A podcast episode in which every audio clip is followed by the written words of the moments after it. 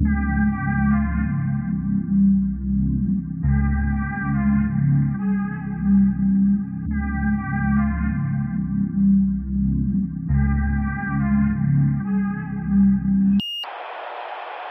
kommer det sig att du pratar engelska? Du pratar, du pratar ju svenska. Ja, men min engelska är mycket bättre fortfarande. Så jag mycket större ordförråd och Ah, okej. bättre flow. Jag kan inte hämta så mycket på, på svenska. Jag, har inte den humorn än. Okej. Men på Du engelska känner dig går det lite bra. retarded när du Ja, pratar svenska. ja precis, precis. Men eh, Du tappar social status. Mm. Eller hur? Det också. Men det är ju sant, man gör ju det. men pratar du svenska med din tjej? Ja, det gör jag. Ja, det gör du. Okej. Varför? Eh, eller, ah, vi växlar mellan engelska och, Varför och vill du vara retarded för din tjej? Nej, men... När, ni, men, när, ni, när ni ligger, pratar du svenska eller engelska då? ehm, arabiska. Pratar arabiska? De säger bara så fula så, jag kom till Sverige för sex år sedan. Jag kom från Egypten. Okej, Mm. Jag började med engelska när jag var knappt fyra år gammal. okej. Eh, Och med svenska för fyra år sedan. Så, Mm. there's still a gap. Ja. Men du är iranier eller? Afghan. Afghan? Jag är iranier. Du är iranier? Ja. Okej, då har vi det klart. Är du 100% svensk? Det skulle jag väl kanske inte ta gift på riktigt. Okej. Men vad du vet? Min morfar eh, gav uttryck för att ehm, eh, han var Han kallar det för um, eh, Vallon. Ja. Och det här ska man ju inte leda, det leder ju ingenstans egentligen. Men det, det har inte alltid varit direkt hög status att vara tattare. Och de, de tattare som, de svenska tattarna, var ju, var ju, de umgicks ju mycket med vanliga resande. De pratade ju romani till viss del, men det blev en svensk romani. Man pratar med det så här, stila mojan, inte åka på bengalo, jiddra inte med majni. Sånt där låneord som man nu tror, tänker är slang men som egentligen är romani. Men de på den tiden, om man frågar någon så då sa ju inte så här, hej jag, jag är tattare. Då sa ju alla att jag är vallon. För att man vi jobbade med järnvägarna och bara tjena tjena. Men kåkfolk liksom. Så utan att säga någonting mer om det så var min, morf, min morfar sa att vi härstammade från vallonerna i alla fall. Så då väljer jag att säga att jo men jag är nog, jag är nog vallon. Ingen mer med För det. det sägs ju att de hade lite svårt att anpassa sig, så många drog ju tillbaka också. Ja, frågan är till vad bara. Mm. Men kom inte många från Belgien och... Jo, men de hade inte, det, var, det fanns inget så här direkt Vallonien att åka hem Nej, och vila på. precis. But have you been ever tempted to uh, do this DNA test, to 23andMe or MyHeritage or? Nej, jag funderar på och jag, vi har ju tittat bakåt på min, min mammas sida var framförallt på, på mormor för att se om, om det fanns ja men mera så här klassbakgrunden liksom om, om, jag är, om jag är nyfattig eller gammalfattig. Och så långt som man kan leda den delen av släkten tillbaka så har vi varit jättefattiga. Så då är, jag liksom, inte- då är man, man brukar ju skoja och säga så om prata om nyrika. Och att de då har en speciellt beteende för att de är inte, de är inte finrika, borg, de, är- de är ju liksom inte adelsrika eller man kommer från en släkt som har lärt sig, lärt sig hur man ska bete sig i salongerna många år tillbaka. Right. Så kan man då ha en hög, eh, ur då ett vänsterperspektiv, om jag då skulle liksom vara representera en viss klass, så, är jag väldigt genuin i min fattigdom åtminstone. Så då, då, har jag, då är jag väl en hög status vänsterförluring. Ingen, ingen kan komma och säga att jag är låtsas fattig, åtminstone på min mammas sida. Men när du not blev... anymore though. Vad sa du? Not anymore though. Nej, det, det har ju gjort i alla fall en del av den klassiska klassresan och det extremt tacksam för.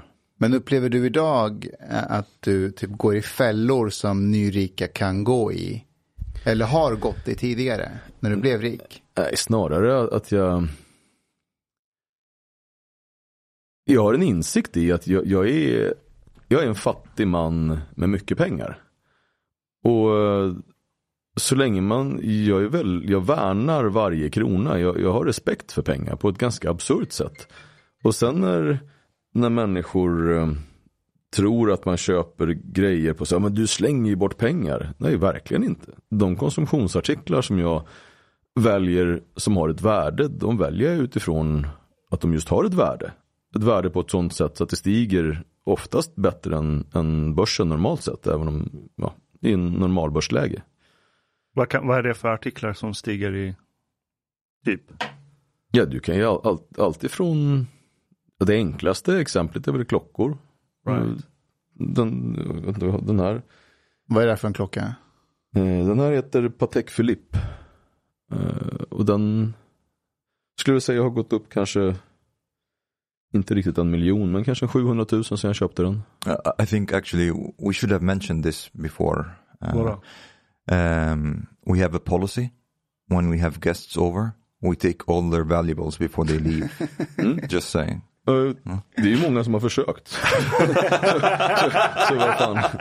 Det är, bara, det, är bara, det är bara att testa. Okej, så vi, vi får försöka. Försöka går bra. Du, du håller på med kampsport, eller hur? Ja, jo, jag har, jag har hållit på lite med kampsport. Vad, vad är det för slags? Nej, jag har alltid fascinerats av kampsport och, och sen jag var ganska liten. Så jag har väl gått den här klassiska vägen ifrån judon till karaten till taekwondon till eh, thaiboxning till MMA och sen vägen tillbaka.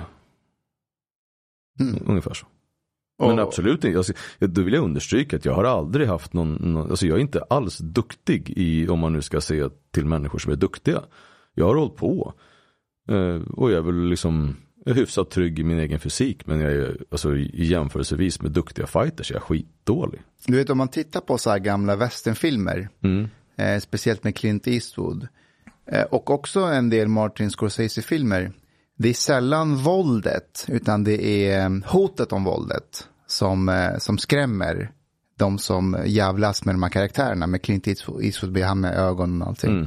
Du har ett sånt utseende, där man, där man lätt kan skrämmas av att se dig. Ta det, ta det på ett bra sätt här nu. Eh, upplever du det så, alltså att du kan eh, med ögonen och ditt sätt att vara få folk att backa, du behöver liksom aldrig använda våld? Jag är ju tacksam om, om eh, jag tycker att det är skönt att slippa bli rånad. Det är säkert jätteobehagligt att bli rånad. Eller det har väl- hänt att någon har försökt vid något tillfälle. Men um, det, jag tror att det finns en, en, både en fördel och en nackdel i att upplevas på det sättet. För, för du måste ju å ena sidan så, må, så jag vet att en del upplever att jag kan upplevas på det sättet som du beskriver. Men det gör ju också att man måste överbevisa att man är en hygglig kille.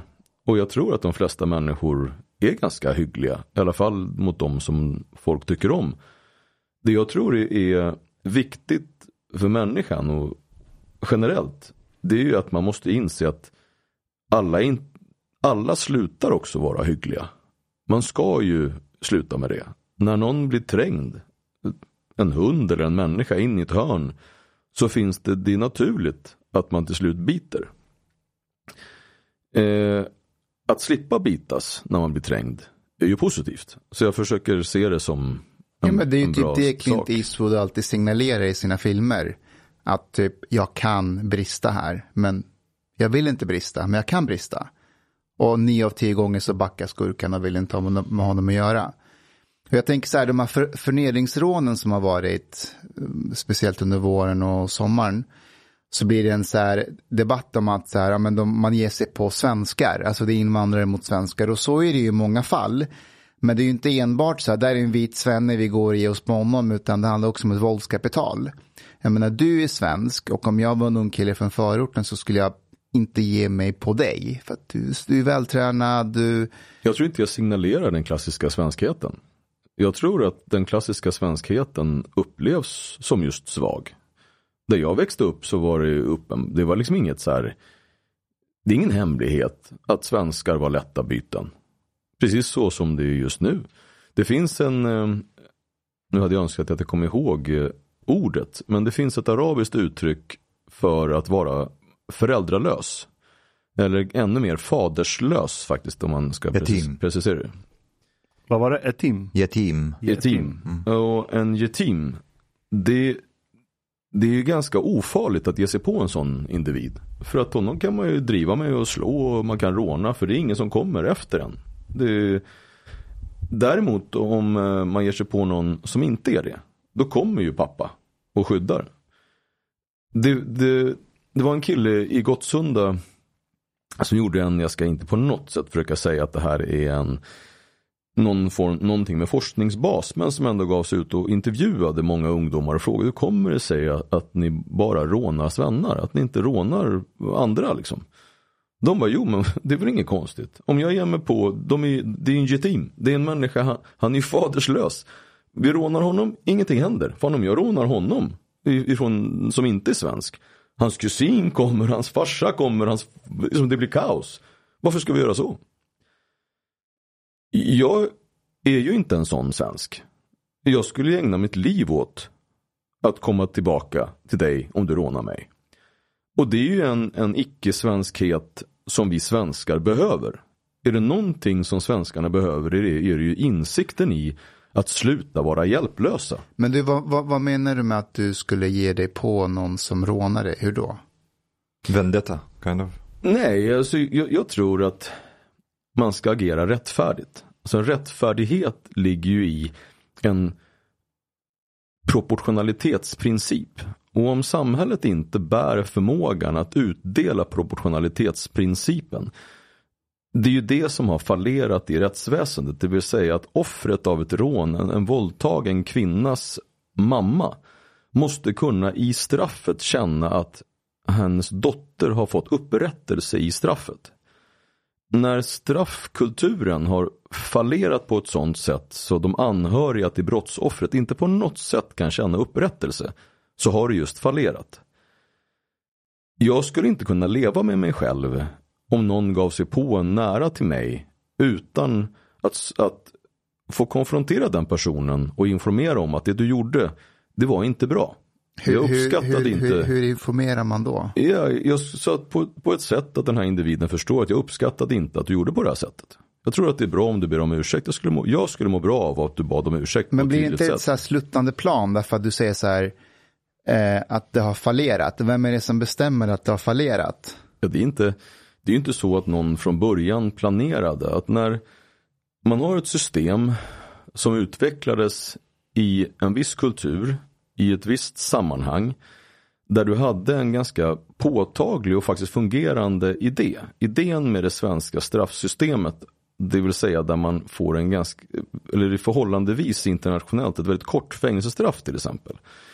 Det är ju för att det stora straffet, det kännbara straffet var den sociala eh, skammen. Det vill säga att Benke i Bladåker torskar för någonting, han på kåken. Benkes grannar kommer mangrant prata om Benke och Benkes barn kommer må jättedåligt och Benkes fru kommer må ännu sämre. Och han kommer tillbaka till Bladåker med skammen om att ha suttit i fängelse. Och då tänker man att det korta straffet, nu måste vi också tänka på rehabiliteringen för att få Benke tillbaka in i samhället så att Benke liksom återigen blir en skattebetalare och anpassar sig. Mm. Det fungerar på Benke i Bladåker. Men det funkar lite mindre bra på en person som är på en stöldturné i Sverige och stjäl båtmotorer. För att när han är tillbaka i sitt eget land, i sin egen kultur, i kanske till och med en kultur där det inte är speciellt skambelagt att stjäla ifrån människor som man tycker är av mindre värde eller av, av kultur och hävd inte tycker att, att, att det är så skamligt att stjäla. Att han då får en så här, nej men nu, nu får du tre månader eh, villkorligt i din by, i ditt eget land för att du stal i Sverige. Jag tror att verkningsgraden eller skambeläggningen där mm, har tappat lite av sin kraft. Det vill säga att just nu så applicerar vi ett straffsystem på en tidsålder som har flytt. Ett samhälle som inte längre existerar så som samhället var när man lyfte fram de här, den här straffmodellen. Och precis som allting annat likadant som när du applicerar en politisk ideologi eller vad som helst egentligen som är anpassat för en annan tidsålder och kanske till och med för en annan kultur kommer gå, eller bevisligen inte fungera. Det är därför saker och ting fallerar. Man tror att man kan applicera, lyfta någonting någonstans och sen bara släppa ner någon annanstans så att det ska fungera likadant. Och där har vi inte riktigt insett att vi har, ett, vi har världens bästa system. Tyvärr anpassat för en tid som har flytt. Så det betyder att då, jättebra, göra samma sak nu, inte bra. Det man måste göra är att förändra sig ut efter hur samhället förändras. Och det har vi inte, där har vi inte hängt med alls. Och anpassad efter en lutheransk kultur också. Så, här, så fort du stoppar, ju längre bort från lutheranismen du kommer, desto svårare blir det för en att liksom snabbt snappa upp det här. Exakt så. Sen finns det konstiga undantag. Typ, okej, iranier tenderar att integrera sig ganska väl här. Och jag har inte fattat, jag har inte kunnat lista ut så här, varför, rent kulturellt. För vi är inte lutheraner alls, för fem öre. Och vi beter oss inte som lutheraner. Men alla, alla ni som kom var ju välutbildade. Ja, absolut. Utbildning och social klass har ju en stor del med det att göra. Men And a också bit att secularism maybe as well. sekularismen, ja. Men, men det är intressant det där att straff, eh, så fort du straffas i en kultur som är väldigt alien mot din, då försvinner skamfaktorn också rejält mycket. Typ om jag säger till någon, ja ah, jag satt i fängelse i Ryssland. Då kommer ju folk inte säga, oj det är något fel på dig. Då är det så här, åh vad tokiga ryssarna är som sätter dig i fängelse. Man tänker inte en skam. Men om jag kommer till mitt jobb, eh, så en arbetsplats, bara, ah, men jag, vart har du varit senaste tre månaderna? Ah, men jag satt inne i Kumlaanstalten. Som då är jag rykt. I'm fucking done. Men jag ser en röd tråd här. Helt beroende på vilken, vilken kultur du representerar. Du kan också få en jätte, jättehög status i din kultur. Där du också får liksom en liten extra. Åh, satt du tre år på Kumla hela tiden? Fick du knall till någonting? Åh, fick du sitta på Isol också? Scheisse! Skönt bror! Exakt. Extra. Exakt så. så. Så det är ju också vad, vilken Fast är det, form. är det en hyfsat normal arbetsplats så tycker man att Hyfsat normal arbetsplats, absolut. Där är, det- där är vi, där är vi jag utgår glad från att de flesta arbetsplatser i Sverige är hyfsat normala. Mm. Ja, jag tänkte, nu tänkte jag mer Ja, subkulturellt jag förstår. perspektiv. Jag. Jag har bara haft en arbetsplats i mitt liv. Det var när jag jobbade på universitetet. Och där ville ingen äta lunch med mig när jag sa att jag är för legalisering av droger. Då Oj. blev det jättedålig stämning. Men jag, jag hugger gärna på den där drogdelen eh, delen också. Men jag tänker att du, du lyfte just lutheranismen. Ja, Och, vad, och när vi pratar om skam. Det som också är lite un, unikt med tänket och så också den kristna traditionen. Det är ju att möjligheten till förlåtelse. Möjligheten till förlåtelse hänger ihop med att du också erkänner ditt brott. Annars är det svårt att få förlåtelse. Du ber, du berättar om dina synder och sen får du syndernas förlåtelse. Det finns också andra kulturer där, där man så länge du inte har erkänt, alltså så länge du verkligen står emot och säger att nej, det var inte jag. Man bara vägrar och, och bara nej, för skammen kommer först med erkännandet. Det är också en del i, den, i, den, eh, i det nya samhället där man inte ser de skillnaderna i kultur. Eh, om du konfronterar en individ med att men du står, ju, du står och röker precis utanför skolgårdens dörr. Eh, gör inte det. Jag röker inte. Eh, ja, du håller i alla fall i en cigarett. Det är inte min. right. Eh, och den som säger att ja men, ja, men sen finns det de skenheliga, det, det är också klassiska delen av kristendomen, också den svenska kulturen, det är att så här, stå inte och rök här och, och ungdomen säger att nej förlåt, eh, jag ska självklart inte göra det, jag kastar den nu, fimpar den. Och sen när läraren går så plockar de upp ciggen och röker den igen. Men det är likt förbaskat en stor skillnad i de olika kulturella eh, synerna på skuld och skam. Och det är mångt och mycket ett ganska, det är lite tragiskt hur man inte vill se kulturella skillnader. Utan man, man är så rädd för att det skulle bidra till någon form av förminskning av den e-, ena kulturen. Eh, istället för att se att nu ska vi bygga ett samhälle där alla får vara med. Alltså hela grunden för, nu talar jag utifrån min egen socialdemokratiska övertygelse. Det är att bygga samhället där alla har tillgång. Alla bidrar och alla får vara med. Det man, det man gör när man bortser ifrån också kulturella skillnader så man kan liksom se vad, vad behöver vi göra för att den här människan ska kunna fungera i samhället. Det är ju att först se eh, skillnaden, se problemet för att kunna göra någonting åt det. När man negligerar eller till och med liksom förnekar problemet så går det heller inte att göra någonting åt det. När du säger att, eh, att man inte vill se kulturella skillnader, till exempel när det kommer synen på skam. ehm, tror du att det är att man egentligen vet de kulturella skillnaderna men inte vill se det? Eller är det en sån här naiv föreställning att nej men, de är precis som oss. De är ju svenskar också egentligen. Det är bara det att de har inte riktigt kommit dit. Förstår du lite vad jag menar?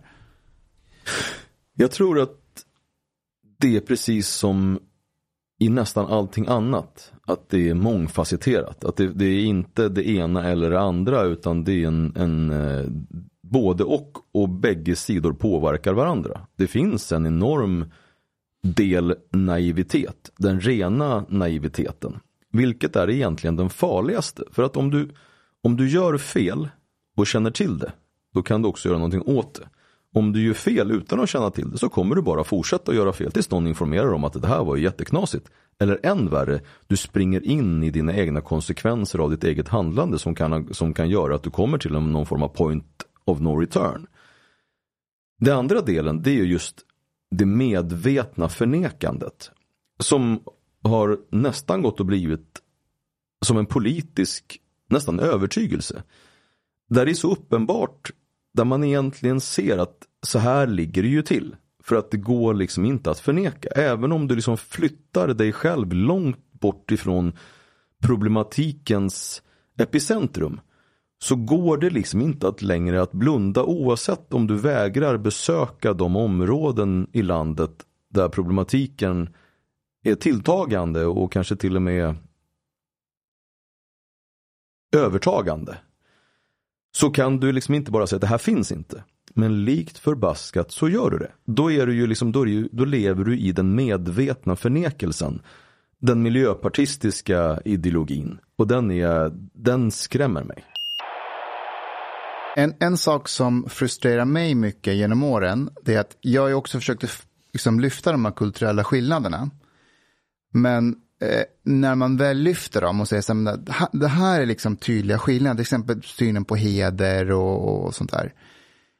Då är det så här, när, när det väl kommer upp på ytan, då finns det allt för många, som jag ser det då, som när de inser att ah, okay, det finns kulturella skillnader, så är det som att man bestämmer sig för att okej, okay, men så här är det. Alltså, de är på det viset nu. Och du, du kan inte förändra det. Och vet, jag gillar inte ordet kulturrasism tycker det är löj, löjligt ord, men jag kan börja förstå varför man använder det, för att det finns en slags kulturrasism om man utgår ifrån att de här idéerna du har, de kan inte du ändra, de bara är så. Så du vet, de håller på med hedersförtryck, de kommer inte ändra sig, de kommer alltid hålla på med det. Kan du förstå lite, eh, alltså att när man, det är som att i Sverige saknar vi ett språk kring de här, de här problemen. Ja, och kanske också om man ser till begreppet kulturchauvinism. Det vill säga där man faktiskt ser en kultur som överlägsen. Det skulle jag säga att det är nog jättefult. Jag skulle säga att de flesta, när man säger kulturchauvinism chauvinism, så skulle man nog tolka det som negativt. Och tänka att det, det var usch, det var väl, så får man väl inte vara. Jag skulle säga att även i det kan man mäta. Och så kan man faktiskt sätta vissa saker emot varandra. Och så kan man fråga sig så här, vad är bra och vad är dåligt? Och då kan man ta just sådana enkla saker som så här, kvinnoförtryck. Bra eller dåligt? Kan inte de som tycker att kvinnoförtryck är bra räcka upp en hand? Då kan jag översätta in i micken att här riktar ingen, alltså majoritet, stor majoritet i det här rummet tycker kvinnoförtryck dåligt. Finns det kulturer där kvinnoförtryck är inbyggt? Absolut. Finns det någon tvekan kring det? Absolut inte. Alltså det, så är det.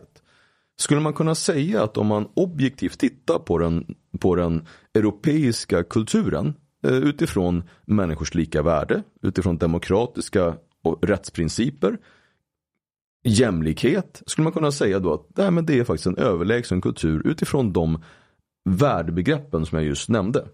Får man säga det? Nej, men är det så? Ja, absolut skulle jag säga. Jag skulle säga att den, den, den, den västliga kulturen har med all tydlighet visat sig vara bäst för människor. Särskilt för svaga människor och utsatta grupper. Det, så har det varit.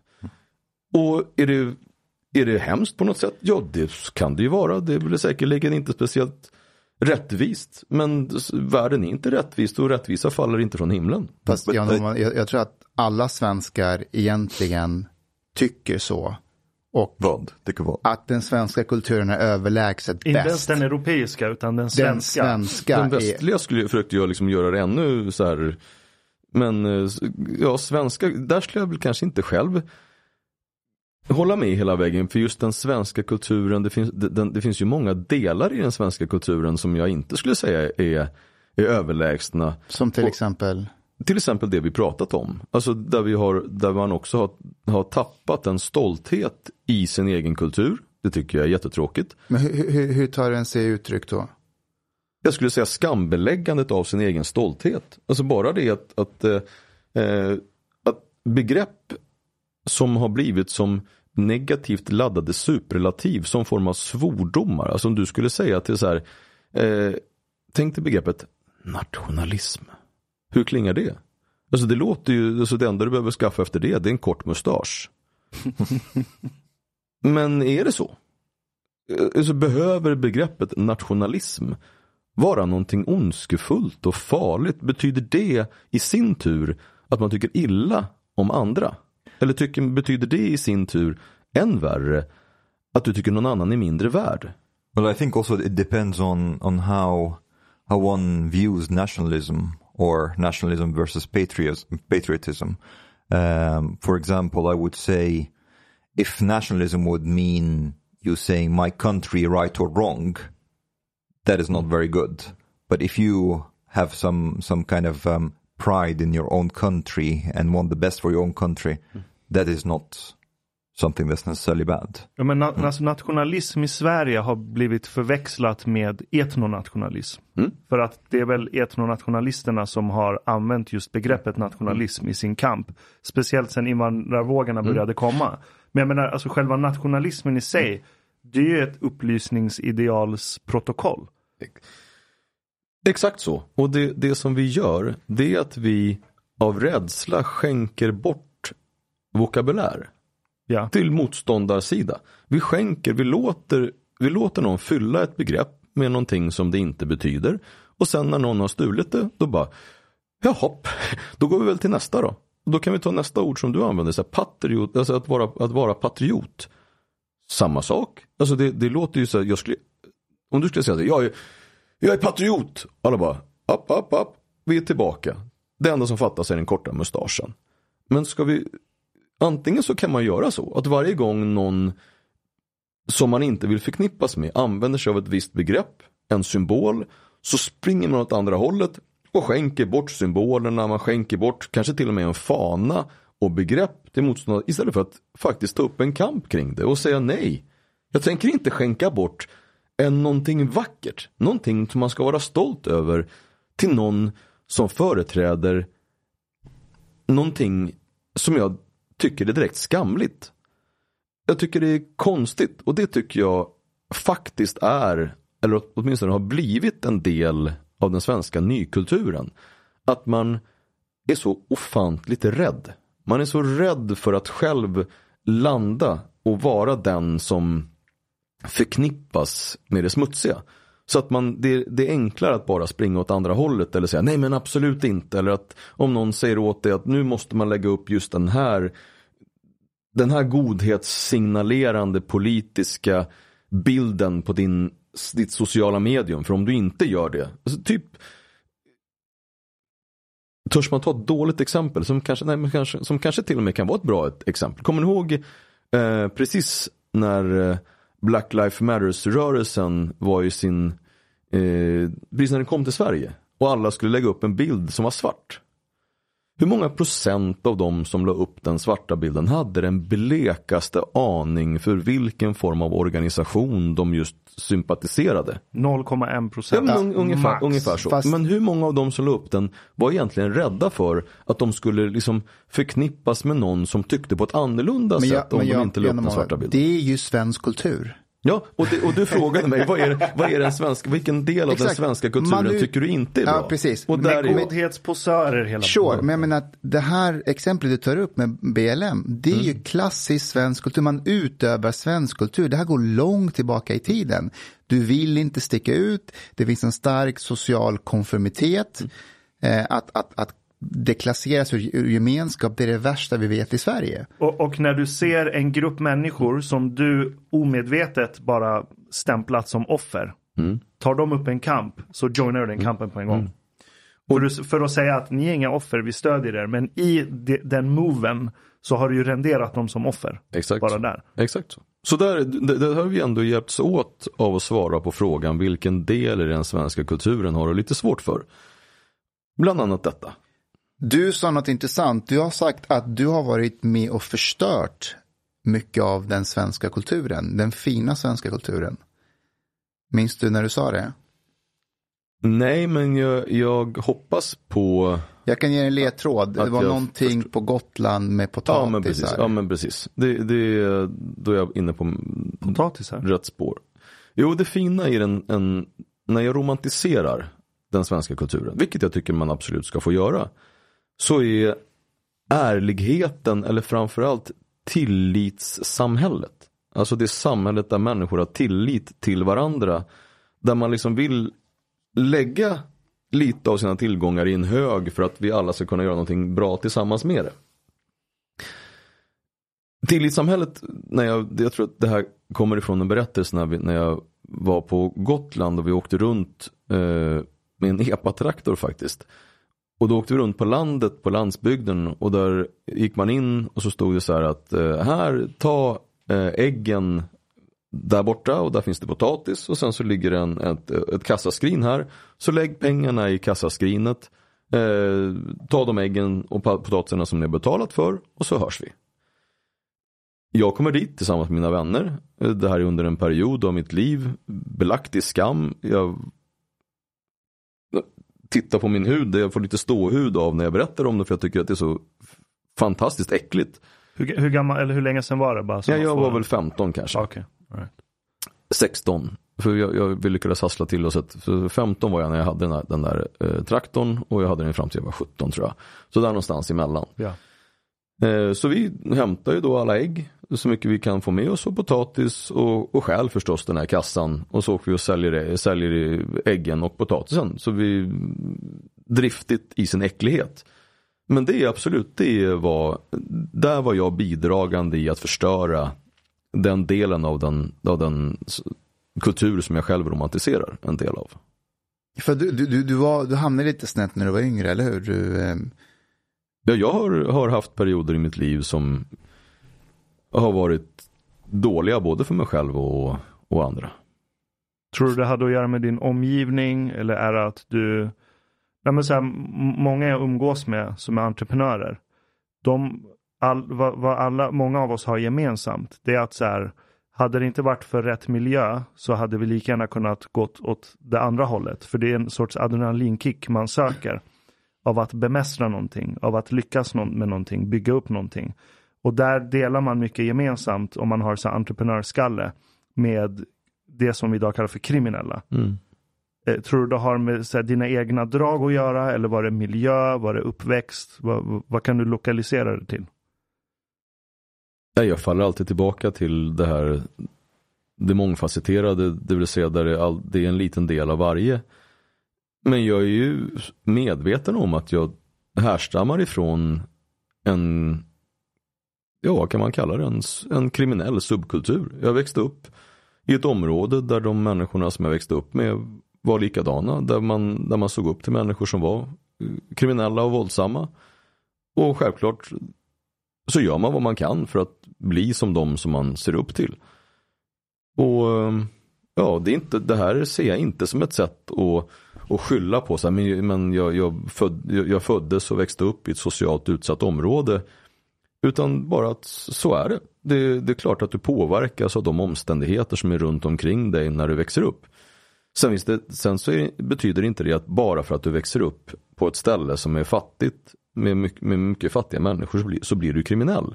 För att det är helt enkelt inte så. Ja. Men eh, att tro att du inte påverkas socialt av människorna som är runt omkring dig, ja då är du också ute och cyklar.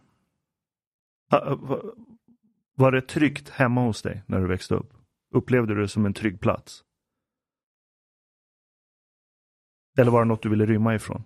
Nu tar jag båda extremerna, liksom, men du förstår. Alltså, jag har haft fantastiska föräldrar. Min mamma har verkligen, verkligen i sin fantastiska mammastyrka funnits eh, utefter hennes egna förutsättningar. För det är också ett sätt när du bedömer en prestation så måste du bedöma prestationen utifrån de förutsättningarna människan, människan faktiskt besitter. Och vad man har runt omkring sig. Och där måste jag säga att min fantastiska mamma gav och gjorde så mycket hon kunde utefter sina förutsättningar. På samma sätt skulle jag säga om min, om min pappa.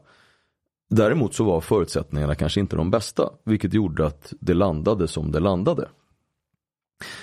Frågan om trygghet, ja jag skulle säga att jag på sätt och vis upplevde mycket trygghet i, min, i min uppväxt. Både ifrån de olika subkulturella miljöer som jag härstammar ifrån. Bland annat ifrån min, min pappas eh, subkultur, alltså MC, först hippiekulturen men sen också MC-kulturen. Där jag växte upp i en MC-klubb. Eh, under, skulle man titta på det objektivt, ponera att man skulle göra så här, en film, så här, där är en, det är ett litet barn som springer runt, det är kanske en sju, åtta ibland, och också när jag var liten blev om, runtburen i en, i en sån här gammal eh, plastback man hade mjölk i, bland supande knuttar. Skulle man tänka, men herregud, vad fruktansvärt. Och jag skulle säga alls inte. Utan jag finner en jättetrygghet i den miljön. Alltså jag, när, när jag kommer in någonstans, och det här kan låta märkligt, men ni vet hur det är när, när, när någon har spilt öl på ett trägolv. När mm. ölen liksom, den, här, den har legat där, ja. går, alltså, det, finns, det blir en speciell lukt. Och sån här inpyrda röklukten i väggar. är för mig trygghet. Jag blir liksom så här, jag bara, åh, tänker på barndom. Men också, inte på så här, ni ska bara veta hur synd det var mig när jag var liten. Nej, alltså tvärtom. Så som i trygghet, faktiskt. Det var en del. Och även när jag tänker då till, till Gottsunda och trygghet så fann jag ju trygghet kanske på speciella sätt. Kanske inte så traditionellt man tänker att där sitter du med dina föräldrar vid köksbordet och tittar på Kalle Anka på julafton. Jag gjorde kanske annat men likt förbaskat så fann, så fann jag en trygghet i i det hela. Så jag, jag, jag har inte i uppväxten så här, åh jag förknippar jättemycket ångest med just kring mina föräldrar. Jag kan ju säga att absolut, jag förknippar tonår och uppväxt med mycket ångest. Men absolut inte på grund av att jag har haft så här, ja, föräldrar som inte har tagit eller gjort så mycket som de har kunnat. Det är som röklukt. När jag växte upp, det var så här skitvanligt, eller det kanske för flera, men så här, röka inomhus. Så mm. när det var middagsbjudningar, whatever, mm. folk liksom rökte. Mm. Så när jag kommer in i ett rum, nu händer inte det i Sverige, men om jag är typ i Berlin eller något land mm. där folk röker inne på restauranger och barer. Mm. Jag får bara sån relaxed känsla. Alltså jag kan sitta där i timmar och typ läsa en bok och bara stinka rök. För det är så associerat till trygghet för mig. För mig är det rökheroin. Det är en stark del av afghansk kultur. Och eh, det är tryggt och alla sover. Nej. Du, jag lyssnade på Henrik Schyffert, komikern. Mm. Han berättade att du vet, han växte upp i den här ironigenerationen. Där mm. de tog inte någonting på allvar.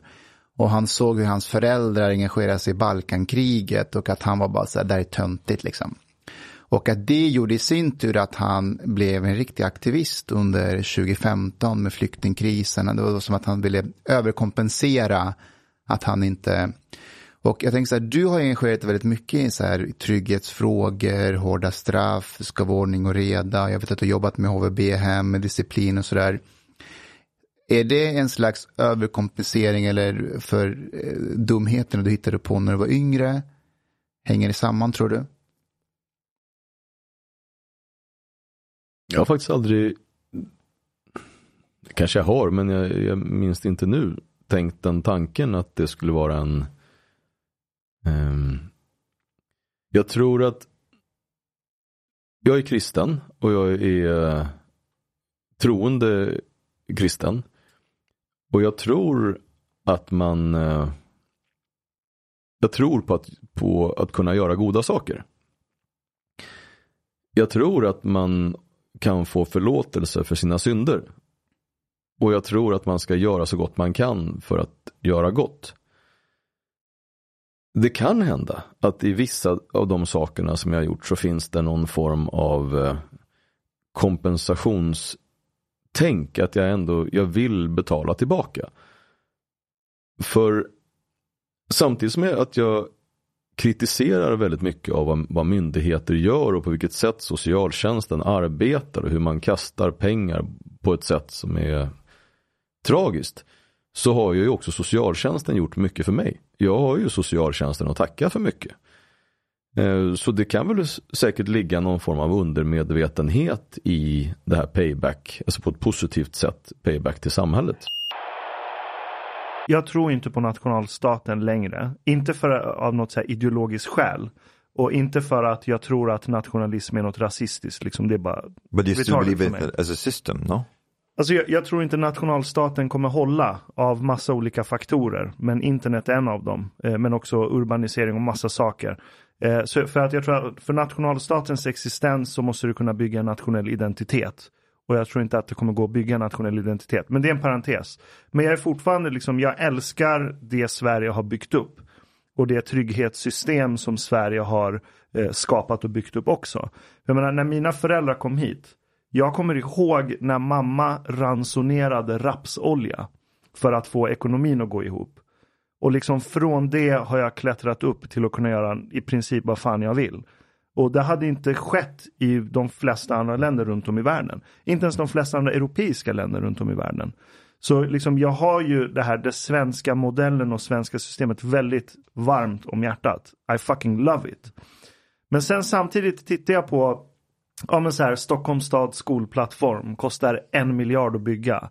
Och det är ett totalhaveri. Så liksom vi lägger ner samma budget som Indien la ner på att åka till månen för att bygga en skolplattform som inte ens funkar. När man går in på så här App Store för att ladda ner kommunens egna app. Det är en av recensionerna så här, jag ångrar att jag skaffade barn. så jag menar, det är på den nivån. Jag tänker, skattetrycket i Sverige var typ hälften på 50-60-talet. Och vi kunde ändå bygga en ganska robust välfärd. Tror du att skattesänkningar, radikala skattesänkningar går emot idén om att rusta upp ett modernt Sverige med en välfärd till de som eh, ska ha den välfärden? Går de två sakerna ihop i din värld? Först måste jag följa med och, och tänka tanken från där du startade den. Ja, ja det var när, många vi, tankar. när vi pratar om, om landet Sverige och vad det har byggt upp. Länder bygger inte upp någonting. Länder är bara liksom en gränsdragning gentemot någonting annat.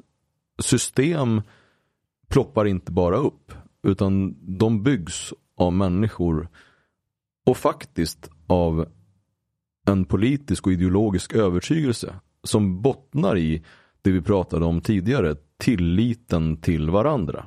Ja. Det som är unikt skulle jag säga, just för Sverige och kanske de nordiska länderna, men unikt för Sverige.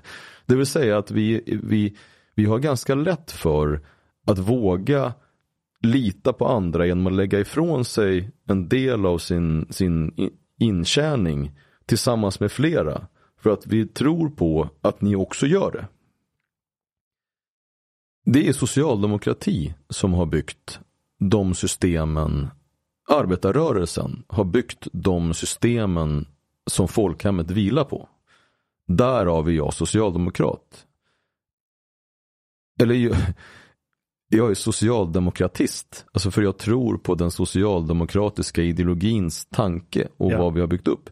Däremot är jag inte partist. För att det, det partiet som nu är som har namnet Socialdemokraterna, de utövar inte socialdemokrati. Det är en jobbig tvist för mig. Vad, vad tycker du de utövar idag? Ja, nu är det inte en fråga om tyckande utan det är ju ingen hemlighet av att vi just nu administrerar helt andra partiers politik. Det är ju ingenting, det är ingen som säger någonting däremot. Utan vi har ju ett, ett punktsprogram som, som, som några folkpartister, eh, jag säger alltid folkpartister lite nedvärderat, det är jättetaskigt, några liberaler eh, och några centerpartister har sagt så här, det här vill vi driva igenom och då får ni makt. Och då säger, säger då mitt parti, hur man nu kan säga mitt parti, strunt samma. Att okej, ja men då så, då genomför vi eran politik, bara vi får behålla makten. Och det kan man ju, om det kan man tycka eller inte, jag tycker inte. Men det är så som det faktiskt är. Om det går inte att säga så är inte fallet, för att det är ett oomkullrunkligt faktum. Det är om dag, alltså så som det faktiskt ligger till idag. Vilket är en tragik Ja. för mig. Det är ju en sak. Men som sagt var att se till vad som faktiskt har byggt det här, det som vi har är viktigt. Tillbaka då till tanken kring skattetrycket. Finns det någon eh, något egenvärde i höga skatter? Alltså är det, är det bra att ha höga skatter? Där måste man ju tvinga sig själv att tänka bortom den naiva ideologiska övertygelsen där man tror att hög skatt är bra för att det är ju vänster med höga skatter och vänster är bra. Det man måste komma ihåg är att vad är socialdemokratins och folkhemmets idé och kärna?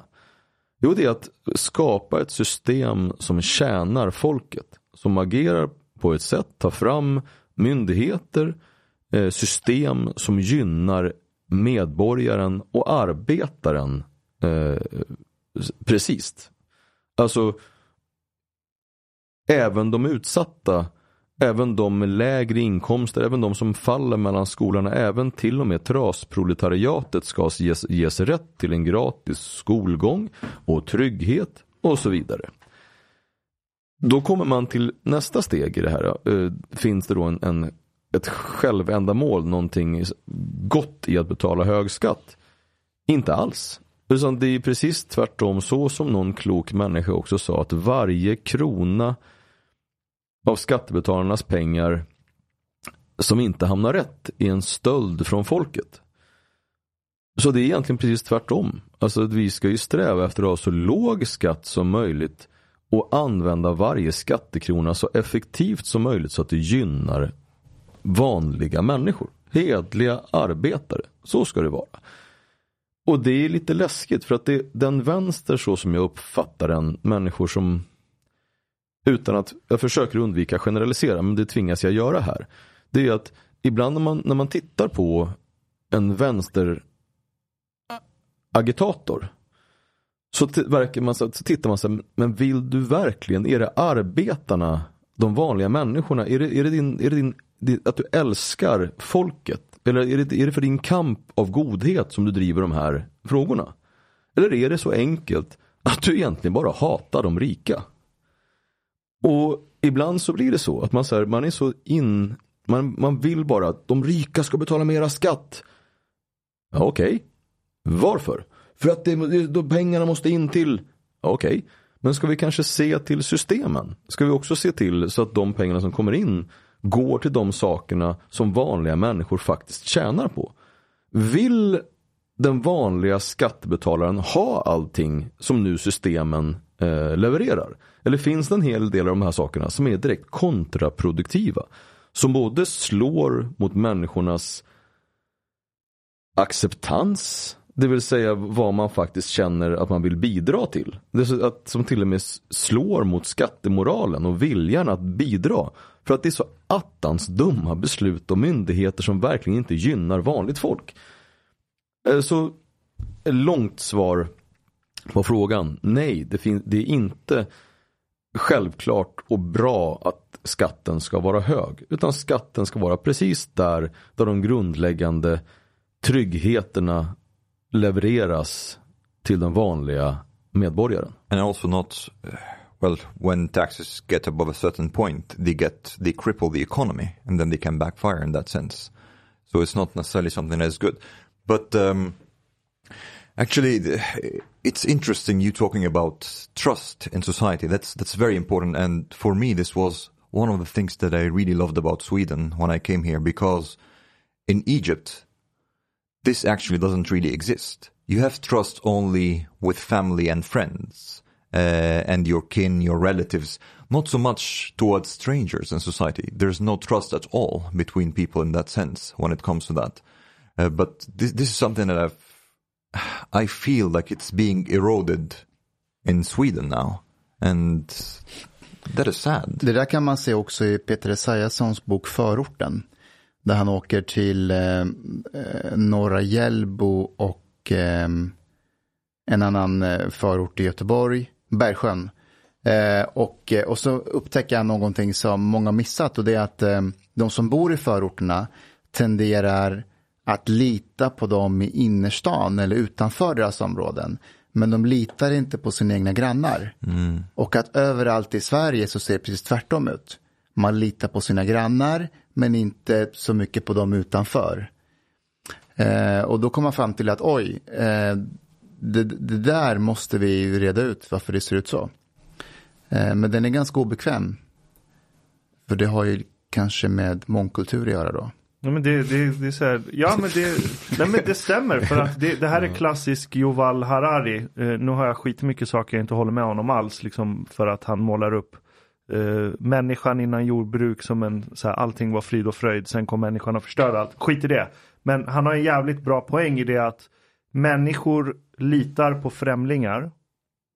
För liksom rent biologiskt, vi kan hantera ungefär 170 sociala relationer åt gången. Mer än så klarar inte vi av naturligt att lita på folk. Eh, det kallas för Dunbars number. Liksom det är olika för olika primater, människan är högst upp på den. Och det är inte en slump att ursprungsstammen bestod av cirka 170 pers. Men för att gå ut ur ursprungsstammen och bygga samhällen med flera tusen, där vi inte känner igen alla, alla på ansiktsbasis, då behöver vi tro på samma sak. Tro på en högre idé och så måste vi ha liknande ritualer som vi utövar eh, regelbundet. För det är genom ritualerna som du kan se att den här personen tillhör stammen eller gruppen eller inte. Till exempel, så här, nyateister garvar åt ja, men så här, söndagsmässa, nattvard, man ska dricka Jesu blod och äta Jesu kropp och bara ah, det här är ju så irrationellt, det här är ju jättekorkat. Men om man tänker så här för tusen år sedan, när du lever i ett samhälle som består av några tusen pers säger vi, och det är många som är främlingar. Om du infiltrerar ett samhälle som utomstående och försöker roffa åt dig av deras resurser, du klarar dig max sex dagar. För på söndagen när du ska utföra de här ritualerna så blir det jävligt tydligt vem som tillhör gruppen eller inte. Så det är ju den funktionen sådana här till synes godtyckliga ritualer har. Som gör att vi kan lita på främlingar. Eh, Och det gör vi ju i Sverige här idag också, omedvetet, vi tänker inte på det. Men undermedvetet liksom kläder, gångstil, jargong, sätt att prata på. Eh, Alla de här sakerna gör att ja, men det här är en främling som tror på samma sak som jag. Och i Sverige är det väl ja, men tron på välfärdsstaten, tron på att myndigheterna gör det de ska, att man ska kunna lita på systemet etc. Det är den här tron som gör att vi historiskt sett kunnat ha tillit till varandra. Men det är en slags nationalism. Det, det, alltså, vi kan kalla det nationalism, men ja, visst, det, det är en sorts nationalism som gör att vi kan gå utanför en liten grupp på 170 pers och lita på varandra. Och ja, när det, om, om vi blandar ihop kulturer som tror på radikalt olika saker, då liksom åker tilliten ut på en gång. Och med det sagt så menar jag inte att det är för att den kulturen är dum i huvudet eller efterbliven nödvändigtvis. Men det är bara så det blir. Om det är radikalt olika kulturer som tror på helt olika saker så går det inte. Då faller du tillbaka på stamläge. Det är liksom stamhjärnan som tar över. Och det kommer ju tillbaka till det vi pratade om innan. Att i Sverige så är det fult att säga att det är någon skillnad på kultur. Först måste jag säga att jag uppskattar verkligen den här lite biologistiska analysen du gör. För den, den, den lyser ofta med sin frånvaro. Den har också varit lite ful att, att se till hur vi också fungerar som varelser. Det är ofta man glömmer bort att när man pratar om till exempel klankultur så låter det som någonting som, som dök upp nu och det var ju farligt. Klankulturen är, är ju det naturliga. Alltså den Exakt. ligger ju långt, långt Det är innan. Det är långt, långt innan den, den kulturen som vi nu eh, har i Det är Sverige. det här nu som är konstigt Det är det här Sverige. nu som är konstigt. Nationalstaten then, är then, there's, konstig. then there's a difference between what's natural and what is good. Sen, sen så, Sant. så när man, när man ser, du tog upp det här med, liksom, med klädstilar och ritualer. De finns ju med oss precis överallt. Det, det finns ju få saker som är så intressant som man gör nästan som antropologiska ministudier. Eh, min favoritgrupp, eh, Labyrint, de sjunger i en av låtarna att du kan se det på sättet vi går. Alltså det vill säga, vi kommer från Gottsunda. Låten heter Gottsunda också. Och det är sant. Alltså det, det, man kan se, du signalerar ju hela tiden vem du är. Och du kan ju också i ditt sociala beteende, ditt, soci, ditt utmanande sociala beteende, också visa på vad du utmanar för någonting, systemet eller den rådande kulturen. Och där kommer vi till vad jag tycker är en ganska viktig diskussion. Det är alltså hur, hur mycket kan vi acceptera i samhället av det här utmanande sociala beteendet som du inte kan råda bot på rent juridiskt. För du kan till exempel inte säga att det är ju svårt om någon går runt i tunnelbanan, tre killar och så, det, det, här är en sak som jag har jättesvårt för. Någonting har hänt med människor att de håller inte telefonen längre mot örat. Utan de, de tittar in i den. och så skriker de in i telefonen. och, så, och så ska jag vara med i det här samtalet. Medan någon annan som skriker i andra ändan. Och han går och skriker här. Och jag provoceras på så här löjligt sätt. Uh, och jag, jag bara säga att oftast är det araber som gör så. uh, och oftast går jag fram och, och frågar. Uh, ursäkta. Har din mobil gått sönder? På arabiska? Nej, inte, jag, kan, jag, jag kan inte prata så bra arabiska. Men, men jag, jag, jag, jag, jag kan hyfsat. Men hur som haver så, så är, är mobilen trasig. Bara, nej. Håll det mot örat min vän. Det, det låter jätteilla. Du skriker och gapar. Och jag, det finns ingen som vill ha det så. Du kan upplevas hotfull och dålig. Det blir dålig stämning. Sluta med det. Sätt dig ner och prata i mobilen som folk. Jag vill ju en av mina, nu, nu hoppar jag mellan två olika exemplifieringar. Min, min bästa polisbild är från när jag var hyfsat ung i Norrtälje. Där finns det en kille som hette Punk-Peter. Punk-Peter, han gick med, det var precis när, när det här modet kom. Alltså svenska gamla bråkstakar från förr, deras smeknamn lät så timida, så ja, men det, är, det, det, det, är så fantastiskt. Ja. Men Punk-Peter i alla fall, han har anammat det här modet som precis hade kommit att man ska tillåta byxorna hänga väldigt långt ner. Så han går och så ser man hela så här, kalsongerna och en del av, av, av övre rumpan. Då stannar en konstapel med sin bil och han går ur. Så går han fram till bilen och säger så här. Dra upp byxorna och dra åt livremmen. Och så får Peter dra upp byxorna och så går han tillbaka. Jag älskar den polisen. Alltså jag, jag, jag vill ha det på det sättet. Jag vill, du vet den här gnälliga tanten som säger ta ner fötterna från sätet. Någon annan ska sitta där. Jag vill ha det i samhället. Jag vill att när man har det här beteendet, jag tror till och med att det var en, en, en, en sociolog som, som, som hittade ett namn på det, var man kallade det för någonting när man utmanade systemet genom ett utagerande socialt hotfullt beteende. Jag hoppas jag kommer på det snart. Men där måste man ju tillsammans, jag vet inte var samhället kan gå in. Jag skulle ju önska att poliser, väktare också kunde säga ifrån. Men nu, just när man agerar på ett sätt, man medvetet provocerar precis på gränsen till det juridiska för att säga till medborgarna att ni ska veta att ni är inte trygga. För här kommer vi, vi gör precis som vi vill och vi gör det på ett sätt precis till gränsen så att du blir rädd. Du tycker att det här är obehagligt. Men det finns ingen lag som säger att jag inte kan göra på det här sättet. Och de vill jag förklara för att vet du vad? Samhället bestämmer. Bete dig som folk. Där finns det ju också en så här, vem är jag då? Vem är jag och går runt i tunnelbanan och berätta hur folk, hur de ska prata i telefonen? Jag får det. Precis lika mycket som han får skrika i sin telefon och kuta runt och vara lite obehaglig. Så får jag säga ifrån. Jag tycker att du är obehaglig. Jag tycker inte om det sättet som du har. Jag kan inte sätta fingret på vad det är som gör att det, att det känns lite läbbigt. Men det du gör nu, du signalerar lite hotfullhet i ditt sätt. Du viftar med armarna och du ser, ja, du, du vet om hur det ser ut. Men gör, gör inte du li, lite likadant? När du jo, jag, jag, jag, det är inte så att jag är omedveten om min egen. Alltså jag säger inte att ni ska vara som mig, jag säger att ni ska göra som jag säger. well, so, social norms are, are important, but, but, uh, but the thing is, where does the line go? Ja, like, for example, in many countries it's considered to be, again including Egypt, like even just kissing in public. Mm is totally unacceptable. You can go to prison for it. So where do we draw the line when it comes to... Uh, the... jag tycker man you would like that wouldn't you? Yeah, I see the look on your face. Nej, jag, jag, tycker man ska få pussas. Det tycker jag är okej.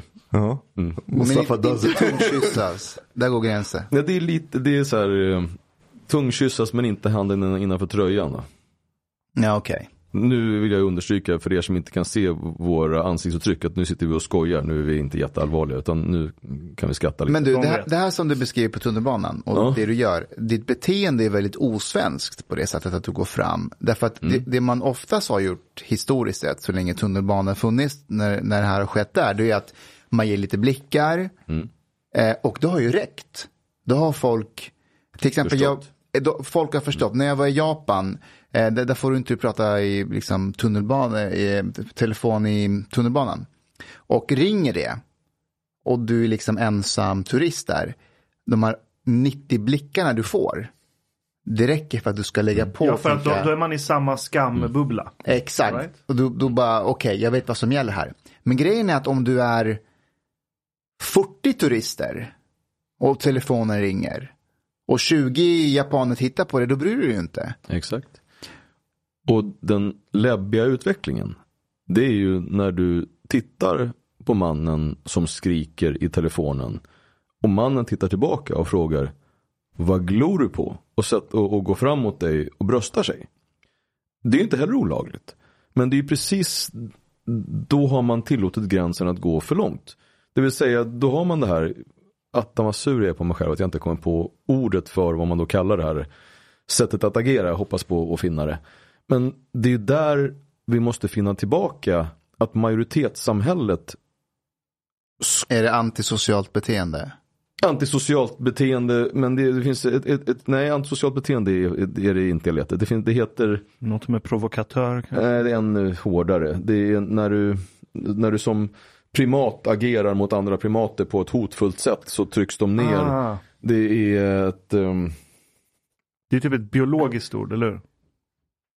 Ja, det är faktiskt det från början. Men jag, vi, vi, jag tror Ja. vi, med, vi, vi, vi förstår Vi känslan förstår. i det, i det, i det, i det, i det jag söker. Alfahane territorium. Jag vet att Markering. någon som använder sig mycket av det begreppet, det är, är nu har jag ett namn, afasi, det är ascoolt. En, den här polisen som precis har gett ut en bok. ehm, Fredrik Kärrholm? Fredrik Är det Kärrholm. han som använder det? Han be- använder det ganska ofta i sin bok. Jag vet, vet att, att Ebba Busch Thor också använder det vid något tillfälle. Ehm, Revir? Nej. Ja, Ja, skitsamma. Du samma. fattar. Ja. Ja, men hur, hur som haver, att där har vi en utmaning i att hur vi ska förhålla oss till när människor tar över det offentliga rummet på ett sätt så att den vanliga människan, de vanliga hedliga knegarna känner sig hotade. Och det blir obehagligt. Man vill inte vara där. Är poliser och väktare rätt väg att gå? Eller vill du att, man ska, att folk ska bli mer som Jan Emanuel och gå fram och, och odla skägg och lägga på sig lite kilomuskler och säga ifrån? Jag tänker ur, ur ett könsperspektiv så känns det ju jättekonstigt om vi ska uppmana alla att odla skägg. Så, så det, det kommer, det kommer bli, bli bökigt. Men däremot så, så tror jag så här. Att om det finns tillräckligt mycket av samhällets muskler i form av poliser och väktare.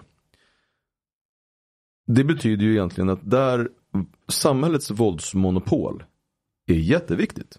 Det samhällets våldsmonopol måste vara så tydligt så att man också förstår att det är just ett monopol. Sätt dig inte upp mot det här monopolet för du har inte en möjlighet. Du, du är helt chanslös. Och när, det, när den tryggheten, den fysiska tryggheten är så pass tydlig så då kommer de våga titta igen. För problemet nu det är att den skambeläggande blicken i tunnelbanan den törs man inte lägga för att du riskerar att få stryk. Men om det finns väktare och poliser som tar tillbaka det offentliga rummet så att du återigen kan vara den sura gubben utan att den sura gubben får stryk. Jag vill ha tillbaka gnällgubben, gnälltanten utan att de ska vara rädda att få stryk. Och det, de i sin tur, deras arv kommer ju till deras barn och deras barn ska ju fortsätta att upprätthålla eh, ordning, alltså den, en, en, en etik i det offentliga rummet, hur man faktiskt beter sig. När den förfaller så förfaller också samhället. Jag vill inte ha samhällets förfall. När jag, när jag hör dig beskriva det här så kommer jag att tänka på citat som skrevs 1934. Eh, och då säger de... Bad year for då är det, quotes. Bad skulle just säga det. Det här Dålig kan, årgång. det här kan bli asknasigt. för... Det är en dålig årgång för... 1934 sa Vad du? hände 34? Det ledde upp till lite Fascism. Ja, okej, jobbiga, okej. jobbiga Men det här, är, perioder. det här är ett svensk par som skrev. Då skrev de så här i sin bok. Dåliga vanor måste vridas rätt. De oförståndliga upplysas. Alva. De ansvarslösa väckas.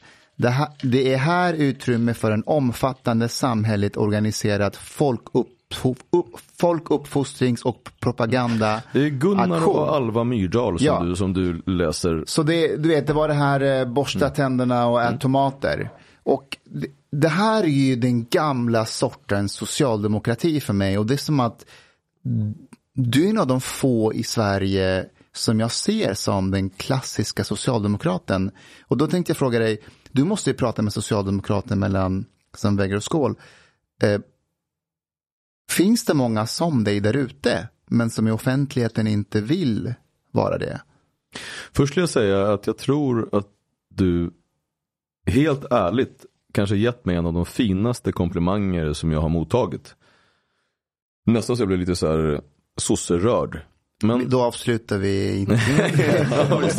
Nu föll hela, hela macho, macho-grejen helt.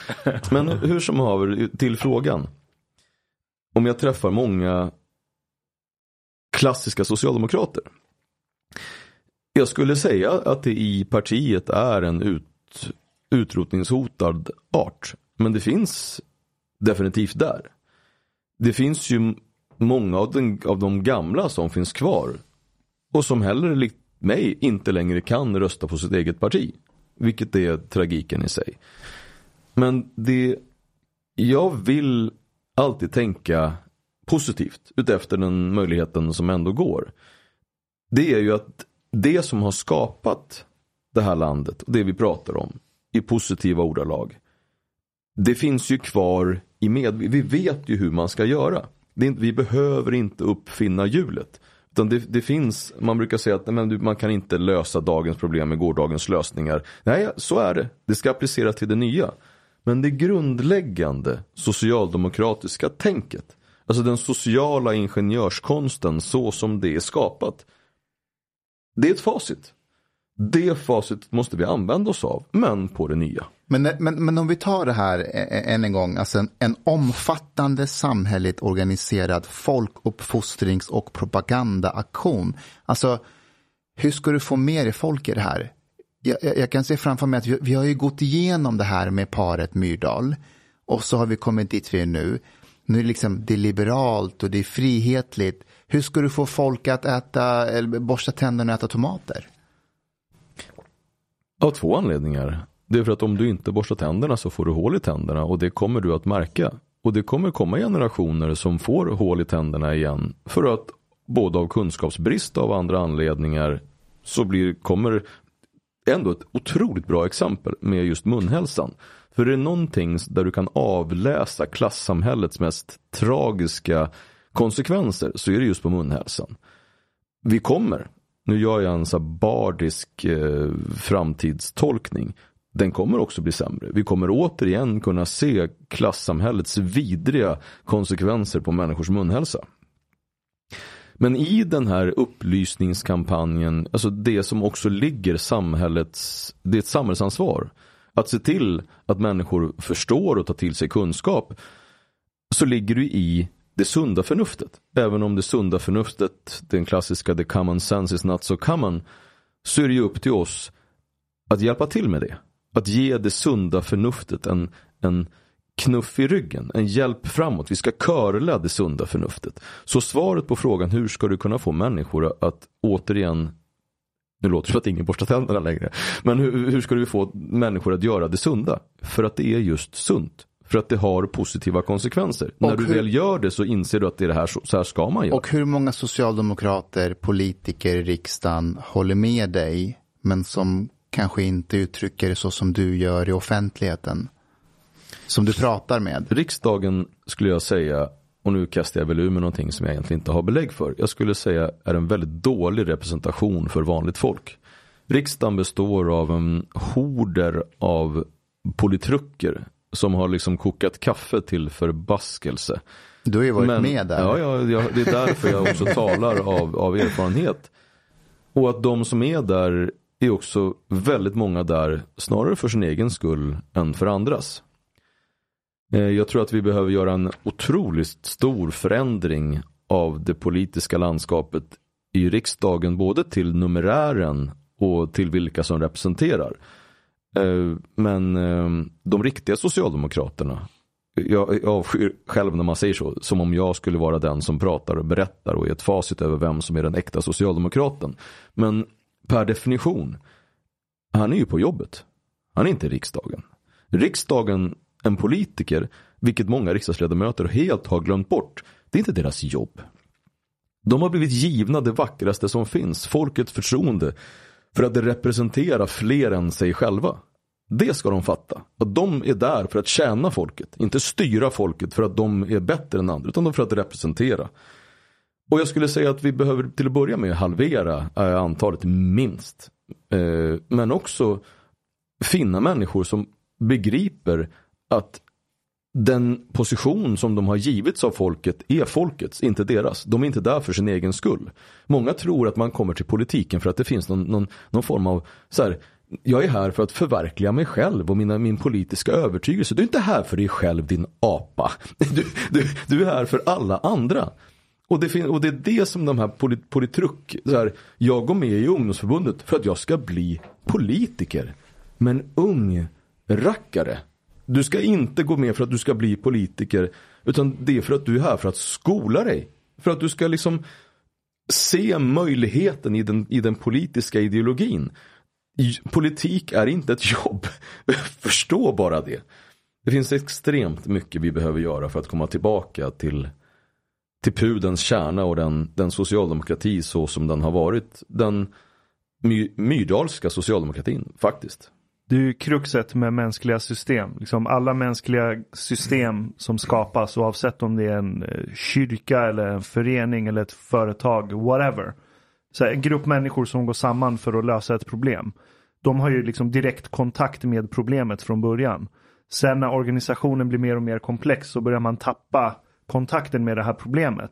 För du ska bokföra saker, du ska mäta saker, du ska få den här organisationen att funka och inte fallera. Så till slut börjar det byggas massa självintressen, massa avdelningar. Ja men ta typ så här, en säljavdelningen på Volvo Cars. De behöver inte nödvändigtvis brinna för Volvo och vad Volvo står för och vad det är. De behöver bara redovisa säljsiffror egentligen. Så alla de här systemen på systemet gör att du tappar till slut kontakt till själva slutproblemet. Du är därifrån från första början. Och så blir det självintresse som tar över. För det är någon siffra du ska redovisa. Och liksom det politiska systemet idag, och det är ju så civilisationer faller by the way. Det är för att det blir totalt överkorrumperat. Det brukar vara en väldigt vanlig anledning. Och det är så jag ser det politiska systemet idag. Precis det, det, det du nämnde om att så här, en, en riktig socialdemokrat, eller en riktig moderat för den delen. Socialdemokraten jobbar någonstans och moderaten har kanske något företag eller whatever. Men jag kommer ihåg när alliansen hade makten, oh vad länge sedan det var att säga alliansen. Jag gjorde en så här kartläggning. Jag bara, vad är det här för människor som sitter där och bestämmer över mig?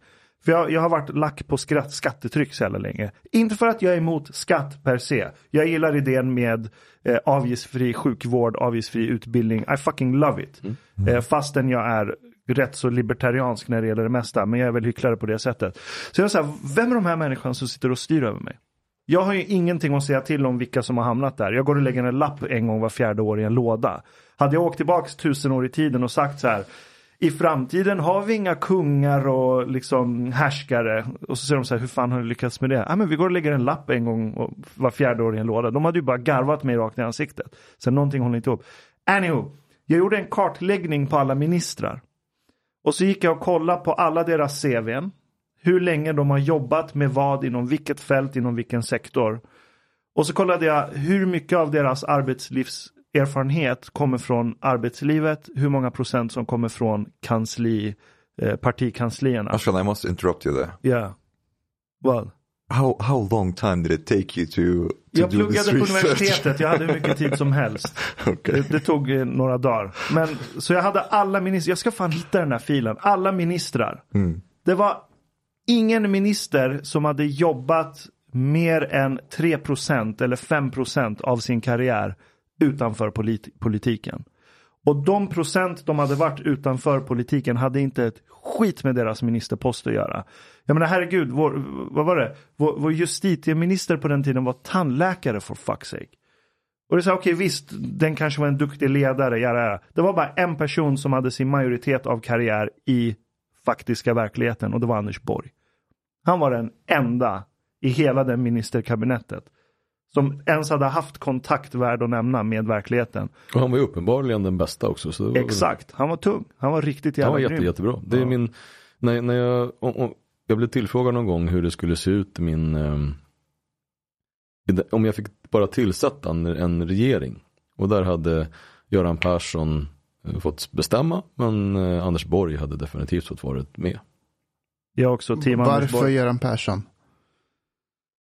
Jag skulle säga att Göran Persson var, många brukar säga eh, lite romantiserande att allting gick åt pipan efter Palme. Det är nästan som en, en sägning som alla säger, ja, så är det. Så är det ju såklart inte. Det, det, även om Palme var en fantastisk politiker så hände jättemycket knasigheter redan då. Men den som jag skulle säga har gjort mest, den moderna ledare som har gjort mest för, för Sverige och som också gjort mest för socialdemokratin, eh, som är en av våra tyngsta ideologer, så är det Göran Persson. Det, det, det, han är tveklöst, tycker jag, och också om man nu ska mäta regeringars framgångar och inte, den som både har levererat mest men som också vågade tänka. Och som gav uttryck för ideologi både muntligen men också uh, inte, för det är ju ett problem. Att det är väldigt lätt att man med ordet säger en sak och alla bara ah, vad fint han säger. Och sen så bara, men vad föll ut av ordet i praktisk tillämpning av politiken? Och så visar det sig att det var precis tvärtom. Ungefär som nuvarande politiker som säger att, om vi går tillbaka till brott och straff till exempel, att det man säger, förenklat, nu ska vi ta in med hårdhandskarna. Och så har man exakt samma mjukvantar kvar. Och det tycker jag är dåligt. Jag tycker inte man ska göra så. För att det man faktiskt gör är att för folket Ja, man ljuger på sätt och vis. Och det ska, jag tycker inte man ska göra det. Jag tycker det är dåligt. Göran Persson tycker jag man kan leda i bevis gjorde inte så. Utan han förde en politik, han sa på ett visst sätt och han gjorde det och det blev bra. Jag uppskattar verkligen Göran Persson som politiker och socialdemokrat. Jag saknar honom innerligt. Du, när jag hörde prata så det, det finns en så här nostalgisk eh, och så här romantiserande eh, gen hos det, man ska säga. Tvivelsutan. Ja. Är det, är det särskilt socialdemokratiskt eller är du bara så som person? Nej, jag tror att det är mitt sätt att vara lite av en romantiker när man pratar om, en, om att vara romantiker så låter det som att någon som bara tycker om att ge blommor till sin fru. Romantiker är ju väldigt mycket mer än så. Och eh, jag ser det positivt att kunna vara romantiker. Det, det hjälper mig i min strävan efter att fortsätta hålla mig engagerad. Men du vet att vara romantiker, då kan ju också minnet spela en en spratt. Det behöver inte spela, eh, stämma överens med verkligheten, det man minns minnet är om någonting farligt. Är det någonting vi inte kan lita på så är det våra minnen. Det är därför det är nedtecknade. Det är därför vi har våra böcker. Det är därför vi behöver så mycket mer än just sitt minne. Minnet tror vi är ett sätt att vi ska, för att bevara det som har varit. Minnet är inte alls konstruerat för att vi ska komma ihåg vissa saker utan minnet är konstruerat för att vi inte ska upprepa våra värsta misstag, för att vi ska överleva. Det är en grundläggande biologisk överlevnadsinstinkt som vi har fått med oss. Därav behöver vi just veta att vad du nu gör så förlitar dig inte blint på det du själv kommer ihåg för du romantiserar ditt eget minne och framförallt din egen insats. Därav förlitar dig mer på vetenskap och det som är nedtecknat. Det som du kan följa upp. Jag tänker på den här storyn du berättade om, om på Gotland med potatisarna. Att du dina kompisar med på traktorn tog dem. Mm. Jag tänker så här, det, har verkar, det verkar påverkat dig väldigt mycket till att du har en rättspatos idag och eh, med trygghetsfrågor och sådär. Men jag tänker så här, den här... Jag, jag, jag vill understryka, jag är en syndare. Mm. Precis som de allra flesta det är inte så att jag alltid agerar så som jag tycker att man ska agera. Jag är inte ett föredöme i allt. Jag, absolut inte vill ut, jag vill absolut inte måla ut mig som ett föredöme. Däremot så tycker jag mycket och jag försöker agera som jag säger. Men jag misslyckas ofta. Men jag tänker den här potatishandlaren på Gotland.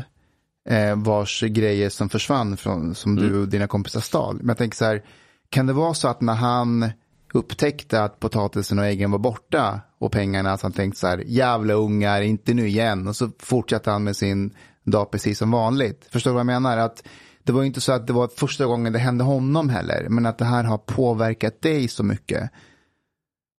Jag tror att det med relativt stor sannolikhet var första gången det drabbade honom. Det här var så pass tidigt, det här var på landet, det var på Gotland. Gotland är ju en, det är en ö. Och där, det ska man liksom se till eh, Alltså ö, öars belägenhet, så det finns ju när man, när man gör undersökningar så använder man sig ofta av, av öar för att det är ett eh, bra ställe att göra mätningar.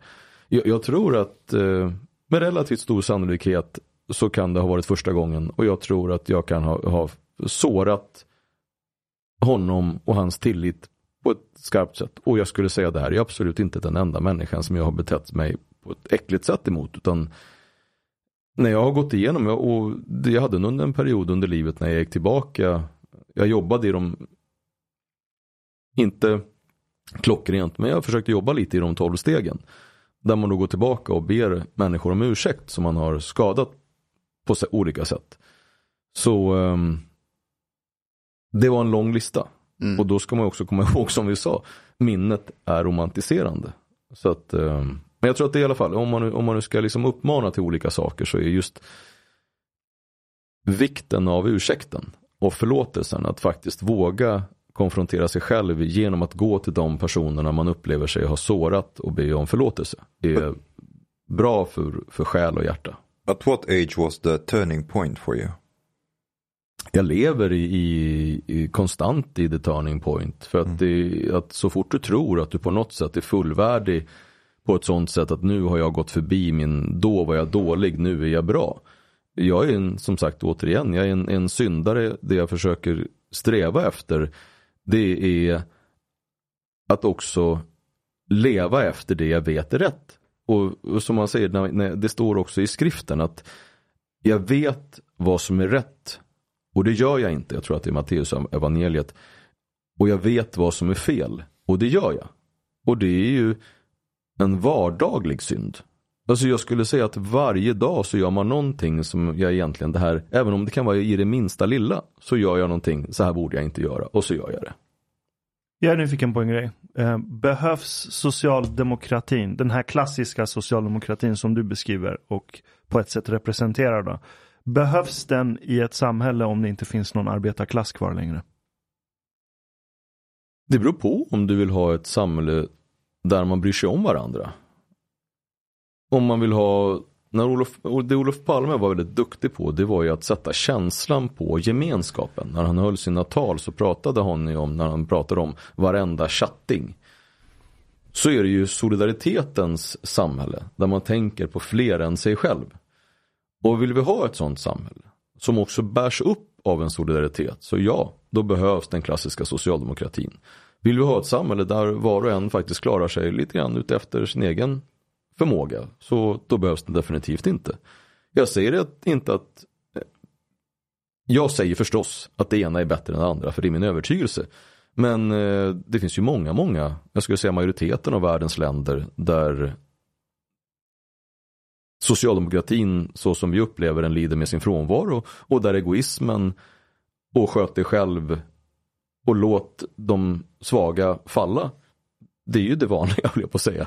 Det är ju som sagt, det är ju så det ser ut i väldigt många samhällen.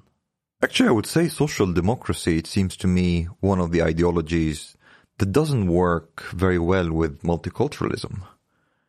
Because it is built around this solidarity. Uh, and I think it's difficult. It's quite, people feel trust and solidarity quite often with those who have same norms and same culture.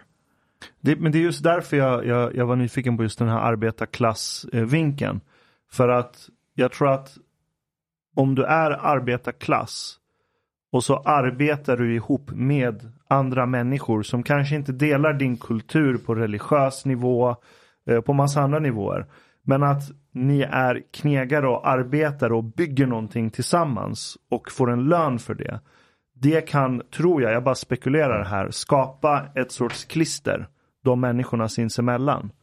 Så, och, och jag tänker att om inte majoriteten av de här klassiska arbetsklassyrkena som Sverige ändå vilat på ganska länge. För Sverige har varit under uppbyggnad egentligen de senaste, inte senaste hundra åren helt, men 70 av de senaste hundra åren, någonting sånt. Så det har ju varit ett massivt upprustningsprojekt. Ett enormt bygge. Men om inte den här stora arbetsklassen behövs om säg 40 år eller 30 år hur kan man få folk att enas under den socialdemokratiska ideologin? Om säg 60 procent av befolkningen inte behöver jobba. Jag är medveten om, om eh, tanken kring teknikens utvecklande och robotiseringen av egentligen allting. Och att man då i teorin kan se att det någon gång kommer ett samhälle där människan inte behöver lyfta runt på saker eller producera på ett sånt sätt så att arbetarklassen då skulle inte längre existera utan man blir servad av, av, av tekniken. Så kan det bli. Jag, jag, jag kan inte liksom spekulera om det ena eller det andra. Men innan, världen är ju ganska stor. Och tittar man på de mindre utvecklade länderna, alltså där, där den extrema fattigdomen och den extrema ojämlikheten fortfarande finns, där förtrycket är vardag. Innan de länderna landar in i den framtiden som då eventuellt skulle komma. Jag ser en ganska lång tidsdel innan vi skulle eventuellt kunna vara där. Jag skulle säga att det finns utmaningen för socialdemokratin, den ligger ju inte bara i Sverige. Utan det är ju i, i hur vi ska hjälpa när man pratar om internationell, internationell solidaritet i arbetarklassens kampenhet. Det är inte bara en slogan. Utan det är ju det sättet som vi måste också se till hur vi ska kunna hjälpa i solidaritet också kommande generationer i tredje världen. Hur vi ska få till det att funka, inte bara här. När man pratar om folkhemsbygget så jag håller helt med dig att det, vi har varit i, i en fas av utveckling och upprustning. Men på samma sätt som att du rustar ett hus så blir det jätte, jättefint under en period. Sen så är man i huset och man kommer åt väggarna och, och det regnar och det snöar. Tidens tand tär på huset den vackra fasaden fallerar eller den, den blir inte lika fin längre. Och vad, vad behöver vi göra då? Ja, då måste huset rustas igen. Det måste målas och tas om hand med varliga händer, med hantverkare, med kunskap. Annars blir det fel. Och precis så är det också med folkhemsbygget. Vi måste renovera folkhemsbygget med varlig hand och med kompetens. Och det är dagens utmaning. Känner du till eh, Marcus Allard? Ja, ja visst. Jag, han, han är en, så här, jag, jag, har ändå en kärlek för marxistisk klassanalys. Så jag har ju någon sorts fot i vänsterideologi hela tiden med mig. Eh, och när jag ser sakerna, det var något klipp jag kollade på häromdagen där Allard lackar ut i kommunhuset. Igen? Så, igen, ja det kommer varannan dag. Men där kommunen hade bestämt sig för att så här, främja integrationen i Vivalla. Så de hade byggt en så här skitstor sittmöbel som ser ut som ett äpple i krom. Och så var tanken att det här kommer bjuda in till samtal där människor möts och bla bla. Så han står i fem minuter och bara skriker så här. Ni har lagt ner 300 000 på en jävla äppelskrutt i krom. Och står han och bara skriker på dem. Och de bara sitter där som små hundar. De vet att de är dumma i huvudet. De vet att de bara fuckar ur med folks pengar. De vet att de sitter där för att det där är den enda karriär de har. De kan ingenting annat här i livet. Blir de av med sin plats i kommunhuset så är de fucked. Och behöver gå på bidrag förmodligen. Och när jag ser Allard då blir jag så här, okej okay, där har du framtidens vänster. Sen är väl han mer vänster än dig tror jag. Han är väl liksom riktig hardcore eh, klassisk marxistisk vänster. Du är väl Oavsett. Mm. Men när jag ser honom och så ser jag de som sitter på makten idag. Så tror jag inte att det går att renovera de politiska organisationer som styr Sverige idag. Jag tror de måste dö ordentligt innan någonting nytt kan Okej, byggas. alltså systemet måste dö. Inte systemet, nej nej nej nej nej. nej. Människorna. Nej, inte människorna. jag, jag är ingen revolutionär, jag tror inte på revolution, det brukar alltid bli kaos. Men det, jag tror det, att... det brukar inte, det har alltid, alltid blivit. Det finns ingenstans där revolutionen har uh, fungerat och det, där det samhället som man önskade av revolutionen har, har uppenbarats någonsin, någonstans. Jag är med dig. Så jag vill ju att Socialdemokraterna ska åka, åka ut ur riksdagen. Jag vill att Moderaterna ska åka ut ur riksdagen. Jag hoppas Liberalerna åker ut ur riksdagen. Vem vill du ha kvar? Och Centerpartiet måste fan ut ur riksdagen också. There's no one left. Nej, men det ska ju inte ske på ett val. Men så här, det här valet, nej som KD och L, så här, bara försvinner. Och sen eh, kommer det upp nya Miljöpartiet. partier som, vad sa du? Ja, Miljöpartiet. Miljöpartiet, absolut, absolut. De främst av alla. Sen kan de försvinna. Då har vi liksom tre av sju ute. Det är halva jobbet är klart. Och så öppnar du upp plats för ja, men, allard människor på vänstersidan. Och ja, men, Kan inte riktiga- SD få också åka ut? Eh, jo, ja, jo, fast vet du, tyvärr, tyvärr, det är så här, oavsett hur mycket jag inte står nära SD när det gäller det mesta som de pratar om, så utför de två syften i svensk politik idag. De är en ganska stark buffert mot liksom hardcore-nassarna. Det är som en 17-procentig stor mur som står i vägen för dem. Det är en sak de gör. Så de är en buffert. Plus att de dödar Socialdemokraterna. Men när SD, om de ens skulle få majoritetsmakt, de kommer inte kunna utföra ett skit. De har ju inte tänkt igenom sin politiska analys. Så Du behöver inte vara orolig, SD kommer inte få egen majoritet. Så den, det kommer inte att, att, att ske helt enkelt. Tittar man på hur eh, mycket, en del saker kan du ju faktiskt förutspå. Utifrån hur människor röstar nu och utifrån hur man frågar människor hur de röstar. Många, när man gör analyser tror ju då att det kommer bli ett fullständigt katastrofval för socialdemokratin utifrån hur socialdemokratin har agerat. Men tittar man på demografin så, så har vi fortfarande sista gångsväljarna på våran sida och sista gångsväljarna eh, de kommer finnas kvar över nästkommande val. Vi har också eh, kvinnor i eh, en stor del av kvinnor i offentlig sektor som fortfarande saknar alternativ till socialdemokratin att rösta på. Varför de också kommer fortsätta rösta på socialdemokratin det här valet. Sen så har vi den eh, nya vad ska man säga? eh, jag har inte hittat något bra ord för det. Jag vet att just ap- apropå Marcus Allard, de tog fram, de kallade det eh, de, de människorna som, som transferiatet, transferiatet. ja, Transferiatet. briljant term. Eh, det, ny, det, det, transferiatet är ju, jag skulle säga till absolut majoritet eh, röstande på Socialdemokraterna.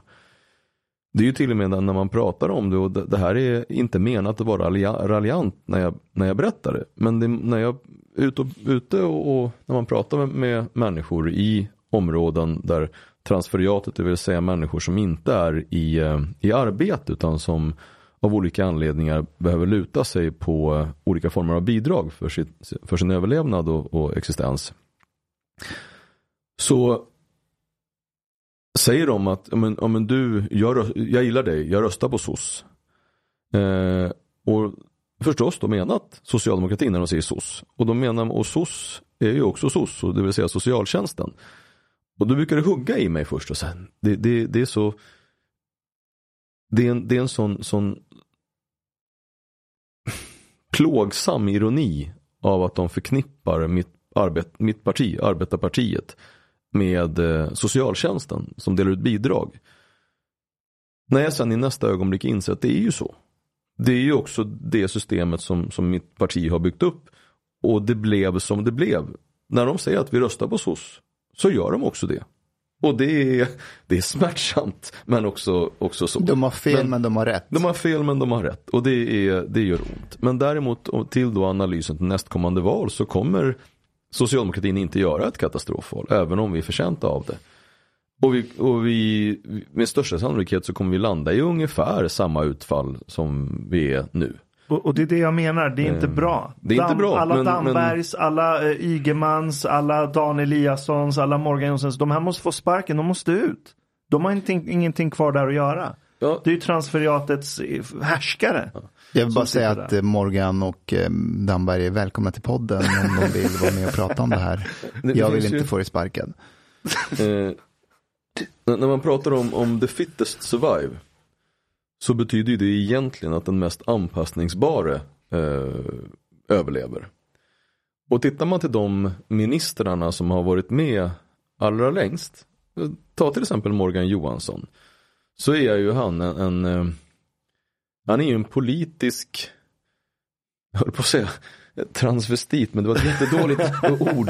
Eh, det vill säga att han är ju anpassningsbar på ett sätt så att det är jag känner ju Morgan, jag ska inte säga jättebra, men vi har jobbat tillsammans under många år och liksom känner, känner varandra sedan 20 år tillbaka i alla fall. Och när man då ser till exempel Göran Perssons tid när vi sanerade statsfinanserna så var han, då var ju han Göran Persson-nian och liksom verkligen så sanera statsfinanserna. Och sen kom Mona så blev han så här, åh, öppna gränser, homosexualitet, eh, alla olika utsatta minoriteter och så vidare. Och så, och så kom det till, till Juholt, även där, där då blev han liksom så här ideologisk och så här djup så. Och så går vi vidare till där vi är nu.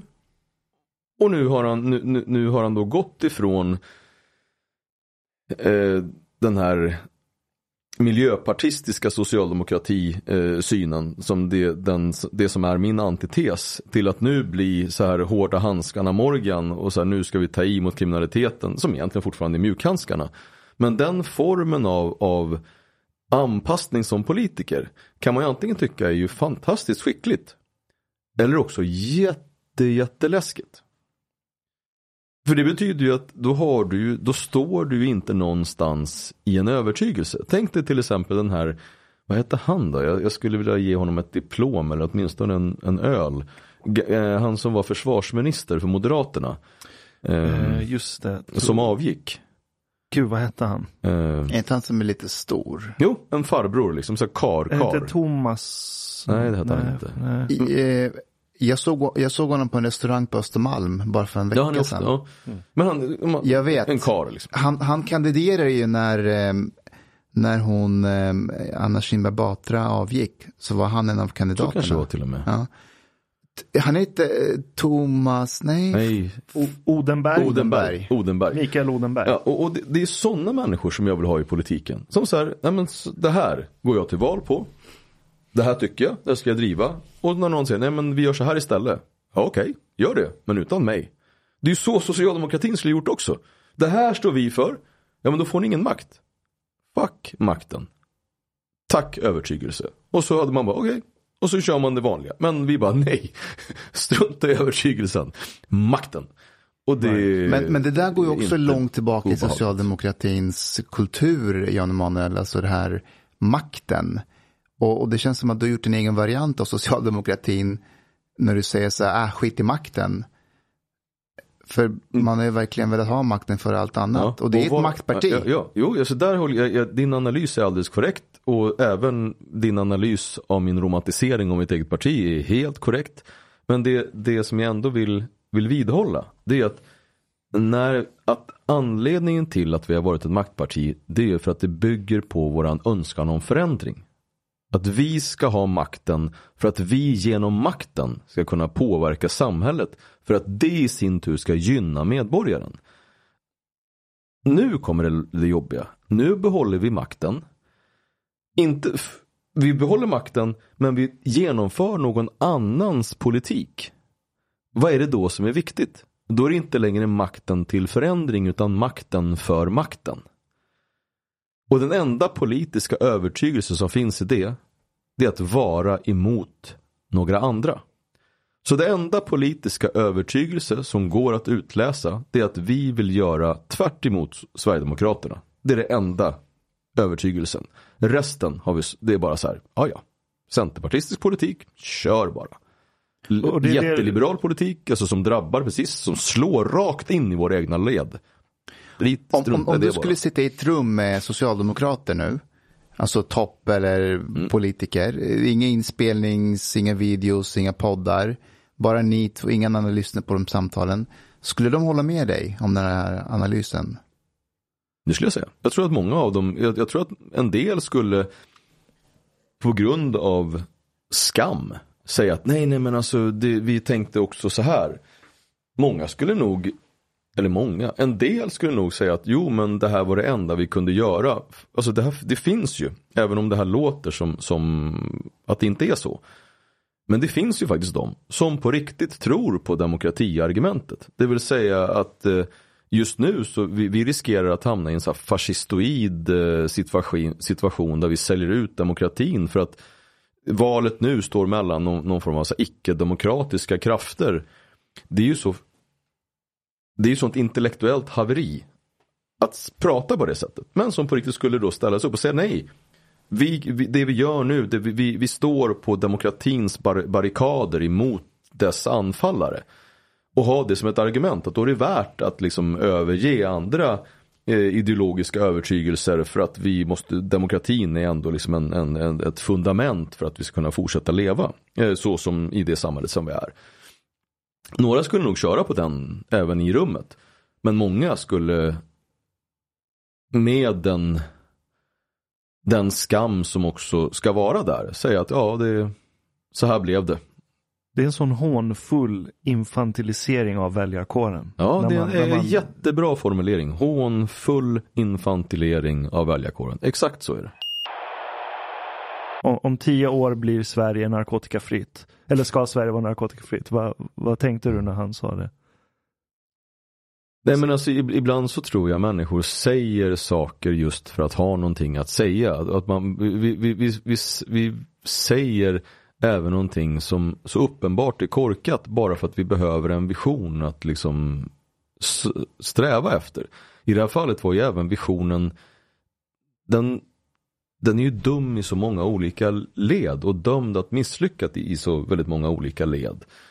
Alltså det bästa som, där var ju ändå Morgan Johansson faktiskt varit delaktig om jag inte missminner mig så är det ju in när, vi, när jag var ju med och drev på en av de sakerna som jag också är lite stolt över är införandet av, av eh, sprutbytesprogrammet. Det är ju en av de, de delar som kanske har räddat flest mest utsatta människor, alltså våra narkomaner, eh, att i sin sjukdom ändå ges förutsättningar att kunna åtminstone överleva.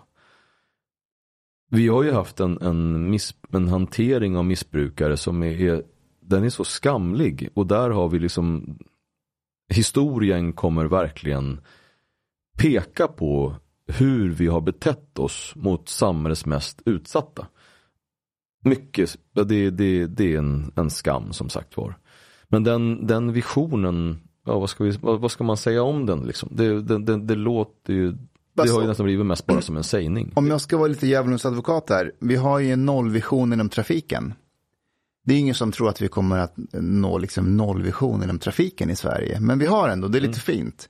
Varför kan vi inte ha nollvision inom narkotika? För att trafik, det, det handlar om olyckor. Okej, du triggar mig. Ja, det, det, det finns ju, när vi pratar om, om, om narkotika.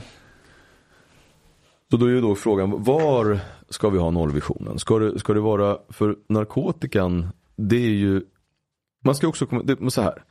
Lagar och regler, vad som är olagligt, det är ju bara lite beroende på var du befinner dig någonstans. Alltså, Right. Utan eh, det som är fullständigt jätteolagligt här är ju inte det minsta olagligt någon annanstans. Allting är ju det är så omgärdat av juridiska nätverk som vi sen har att anpassa oss efter. Narkotika, det som vi alla någon gång i livet blir hjälpta av inom sjukvården är ju narkotika. Det är ju narkotiska preparat beroende ju bara på när du får dem. Om du får eh, en Valium för att du mår dåligt så får du ju en medicin. Äter du en Valium när du mår dåligt men inte har recept på det så då kommer du åka dit för ringa narkotikabrott. Så är det ju med alla de opiater som å ena sidan du, du får, när du, då, är- här, å ena sidan då är du en heroinist. Å andra sidan då är du en cancerpatient. Men det är ju, det är ju samma verksamma ämne vi pratar om. Yes. Och så är det ju med bensodiazepiner, så är det med opiater, så är det också till viss del och kommande gällande THC och cannabis och alla hampaprodukter. Så det här är ju, det är ju en fråga som är så pass mycket större än att kunna säga ja eller nej till. Ja, för okej, okay, nu, nu drev Mustafa, men så här, en, en nollvision om eh, trafikolyckor. Det är så här, världen blir inte tråkigare av att det inte sker trafikolyckor och dödsfall i trafiken. Eh, det, det, är ingen som förlorar på det. Medan nollvision när det gäller narkotika. För mig är det så här, ett, det blir en väldigt tråkig värld. Liksom, du kan ju börja med att slänga alla musikalbum, all konst du har på väggen, böcker du har läst. Förmodligen höll de på med sånt. Inte alla, men många. Eh, men också att bruk och missbruk är två helt olika saker. Det finns många som kan bruka substanser som idag är olagliga. Eh, utan att varken söka sig till någon flykt från verkligheten utan att använda det för någon sorts självdestruktivt ändamål, inte för att använda det för någon sorts bedövning, för att de egentligen behöver någon annan sorts hjälp som de inte vågar eller kan ta till sig. Det, det, det, det finns så många olika aspekter av droganvändning. Eh, och där blir jag, och det är också ett sorts hånfullt infantiliserande för mig.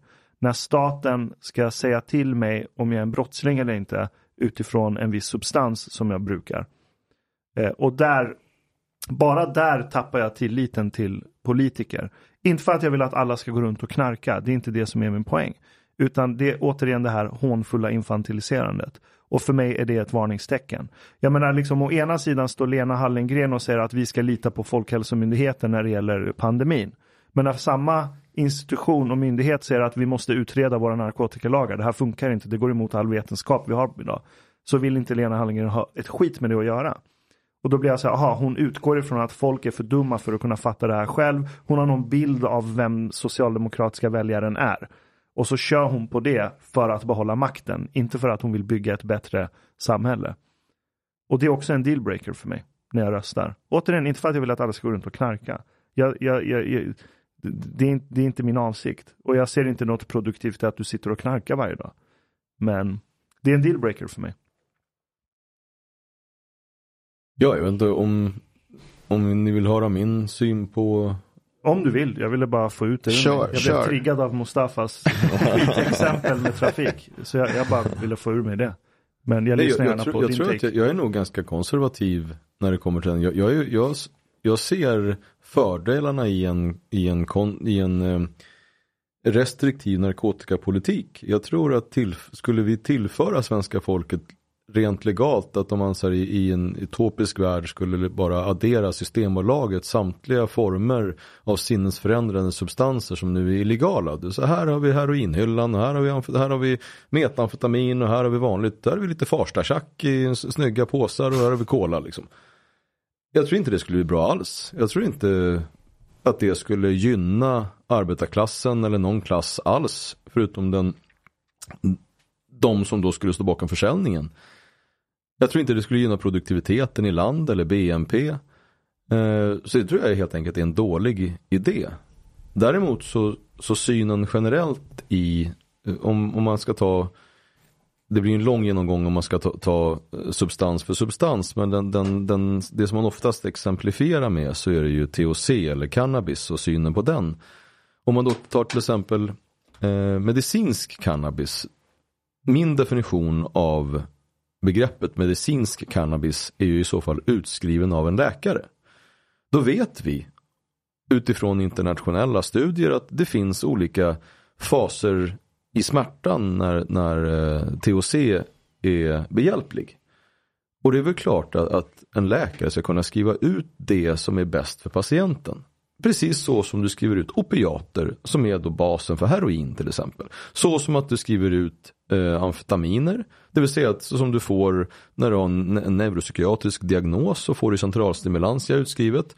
Men när det kommer till cannabis då, som jag skulle säga är åtminstone en av de mest harmlösa, om man nu får dela in de olika narkotiska preparaten i klasser. Det får man, så skulle, man, man. skulle man säga att det, det, är en, det är en liksom, inte harmlös, men en, en det man kallar light drug. Liksom. Mm. Där har det blivit någon form av tabufråga och jag ser inte poängen för folket att ha det på det sättet. Jag ser också heller ingen i lagstiftningen när man ges möjligheten, ponera att du blir stoppad eh, när du är ute och kör och så har du rökt cannabis fem dagar innan. Det betyder att du har en, en otillåten THC-halt i blodet och då kan du fråntas ditt körkort. Det är helt enkelt inte rättfärdigt. För att det, finns ingenting, på något sätt kan det påverka din körning att du har rökt eh, eller på något sätt fått i dig cannabis fem dagar eller kanske till och med 14 dagar innan. Utan det är inte en konsekvens som gynnar varken medborgaren eller samhället. Att vi har en, felaktig syn på rep, repressiviteten i vissa brott när du kan döma så oerhört hårt för en, en, en väldigt liten förseelse. Medan du å andra sidan kan dömas stort sett jättelite av en förseelse där du, när du har förstört en människas liv. Och det tror jag urholkar förtroendet för lagstiftningen och för samhället. Så jag tror att i det, ungefär där ligger min syn på, på narkotikalagstiftning. Jag tror att det var 1900 nu kommer jag säkerligen bli rättad men jag tror att det var 86 så förändrades lagstiftningen utifrån eget bruk. Att då, då kunde du eh, ha cannabis eller narkotika i blodet. Men, eh, och hade du det på dig så då var det ett narkotikabrott. Jag tror att vi behöver inte gå tillbaka och säga att där ska vi, vi ska ha det exakt så som det var innan. Men jag tror att det är åt det hållet vi behöver gå för att få någon form av Både ur en, alltså, det här är också en ironi, så hur vi liksom å ena sidan pratar om integriteten som är så fort man någonting görs mot människan så skriker man att det är ett integritetsbrott, han nuddade mig eller det här hände, han sa på det här och det är integritet. Um, men helt plötsligt när det kommer till narkotika så var det nog då, då att nej, men du måste följa med för du ska, du ska urinera för att se om du för 14 dagar sedan gjorde ditten eller datten. Ja, det finns i alla fall, jag, jag ser åtminstone en viss del av motsättning i synen på den personliga integriteten men också i förhållandet och synen till vad, hur ett straff ska utformas för att det ska finnas en legitimitet i det. Eh, och på ett sätt är jag med dig. Jag är inte heller för att vi ska legalisera allt på en gång och bara ut med allting på Coop och Systembolaget. Återigen, för mig skulle det vara ett revolutionärt eh, move. Och det brukar aldrig slå rätt. Aldrig. Eh, och okej, okay, aldrig. Fair enough, jag är med dig. Eh, men däremot, om jag kollar på substanser som du inte kan överdosera på eller dö av direkt. Ja men där kommer vi väl på cannabis och vissa psykedelika som du inte kan överdosera dö på. Det betyder inte att du kan ha en väldigt hemsk traumatisk upplevelse om du får i dig för mycket. Så jag förringar inte det perspektivet heller. Men, och så kollar jag på att Okej, okay, vi gör avloppsmätningar runt om i landet och vi ser att liksom cannabisbruk, det, det, it's there. Skulle, jag, skulle jag problematisera ditt resonemang och, kanske, och kanske eh, utmana lite så skulle jag säga hur gör vi då med alkoholen med tanke på att det, är en, det om någonting är en dödlig drog. Det, det, är det. Om då måste vi förbjuda, då måste vi tillåta några substanser och samtidigt då ta bort alkoholen. Nej. Det kommer jag tror jag kommer bli svårt. Ja, men det är en bra poäng och jag, jag tror jag förstår vad, vad, du vill komma med det. Jag menar att eh, det, det vore lika revolutionerande att förbjuda alkohol. Det är en revolutionär move fast i en annan riktning. Och vi vet... Jag ville bara retas, det var ett helt meningslöst eh, infall. Jag vet, jag fattar. Men det är lugnt. Men, men jag menar, så folk kommer göra det anyway. Och jag tänker att det finns ändå en viss signalvärde i att okej okay, i alla fall inte till en början, från den lagstiftning vi har idag, gå till att så här, nu kan jag gå och köpa Farsta heroin på Coop.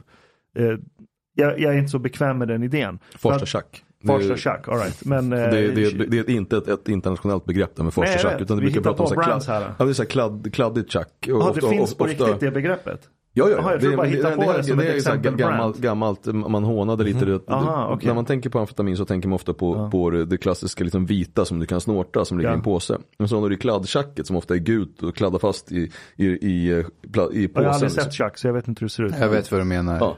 Och, och, och, och, jag tar ett beslag. Och det här kladdiga tjacket ja. som är svårt att slå för att göra pulver av det, det brukar ja, man. Okay. Jag tror det var ett brand du hittade på. Nej, Men nu hittar jag på, så, okay. så, så första tjacket brukar, man, brukar jag associera, inte då som brukar utan ser objektivt som eh, det kladdiga. Ja men okej, men så här, du ska inte kunna gå till Coop direkt och köpa så här Hornstull heroin. Det går jättebra med ölkorven och IPan du har köpt. För att heroin det är så här nålar, du kan överdosera, du kan dö.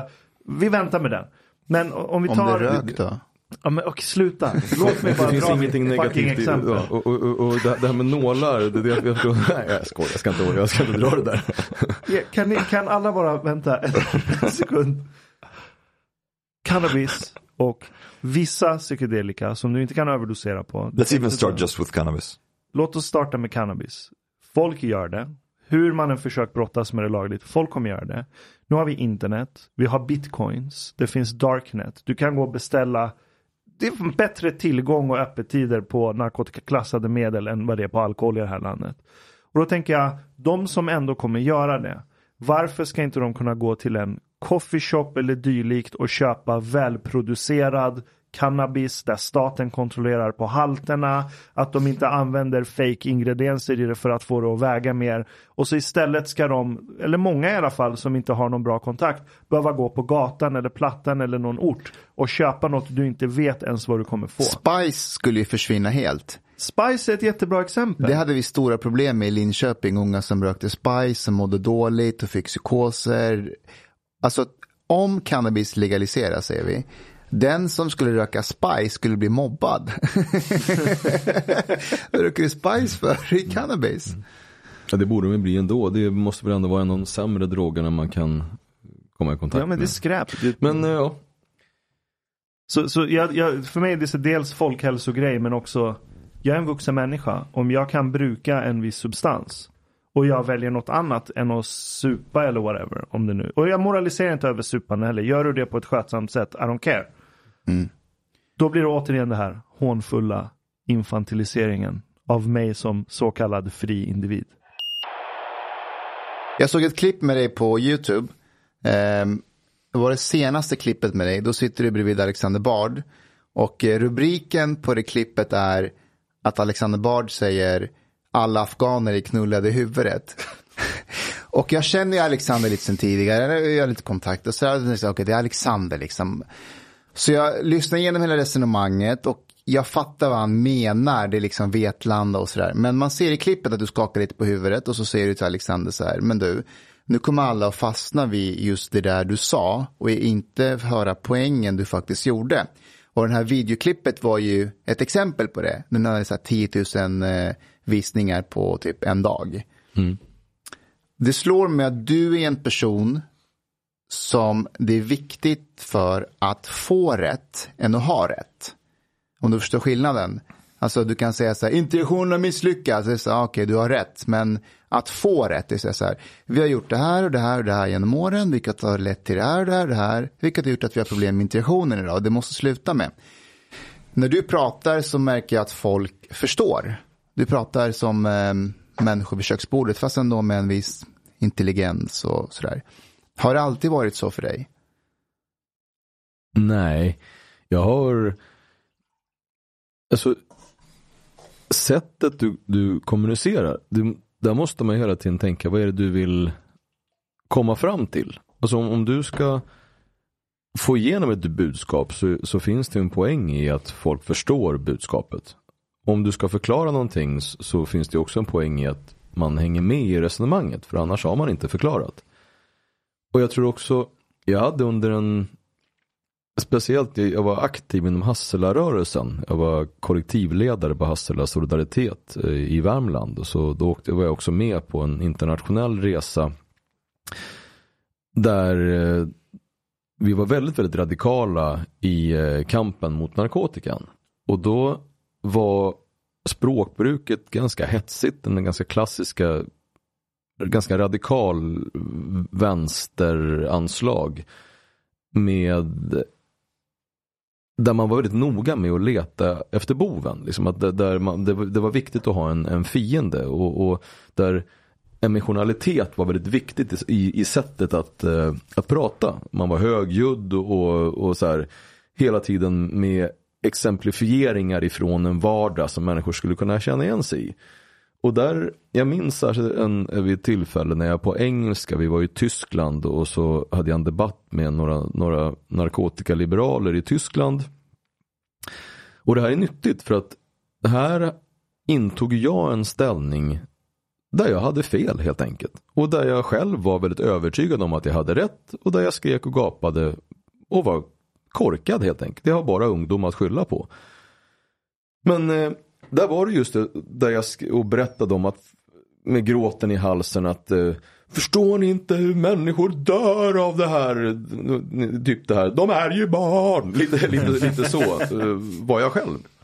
Men jag tror att det är nyttigt att ha gått igenom den fasen också. För att själv kunna se att okej, så här tänkte jag. Det var fel. Så här fick man lära. Och det föll ut så här. Och nu tycker jag så här. det är ju en evolution av, av dig själv också. Alltså sätta, det, du utvecklas ju i ditt resonemang. Alltså om, om du tycker, den som inte liksom kan göra just det. Det är ju där det finns en, en fara i, i politiken när du, du vill så gärna att det ska vara på, på ett sätt så att du bortser ifrån verkligheten. Och det är ju den formen av politik som jag gör vad jag kan för att distansera mig ifrån. Jag ser ju det att du liksom, du är med i poddar, du skriver debattartiklar, du engagerar dig på olika sätt att uttrycka dig så som du gör, vilket gör att många lyssnar. Men du måste också lägga märke till att det finns de som lyssnar på dig och så, så säger de så här, socialdemokratin suger, eh, säger Jan Emanuel. Vi måste ha hårdare straff, säger Jan Emanuel. Så här, paketerar allt det du säger, det är lite så här eh, ynkligt budskap. Mm. Kan det, kan det irritera dig eller tycker du att det ska finnas en plats för det också? Att det, att det, att det är av nytta? Det de säger, om, om, om vi nu skulle säga den här exemplifieringen, de två sakerna. Så här, socialdemokratin suger. Ja, det betyder ju att de tycker att socialdemokratin inte är så bra. Hur är socialdemokratiska partiet just nu? Är inte så bra. Jag skulle inte, jag skulle inte säga just så som de uttrycker det, men jag skulle, nej, inte så bra. Eh, Jan Emanuel säger hårdare straff.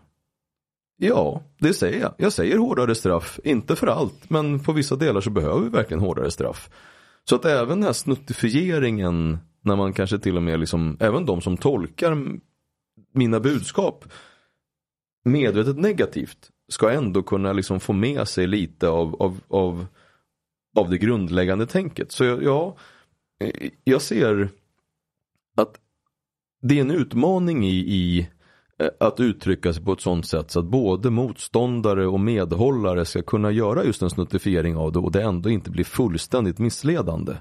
Det var någon som sa en gång eh, många intellektuella går däremot och säger att det inte alls på det sättet. Att han, han sa, nu kommer jag inte ihåg vem det var, men att det dunkelt eh, sagda är också det dunkelt tänkta att det är viktigt att kunna förklara på ett sånt sätt så att man faktiskt förstår.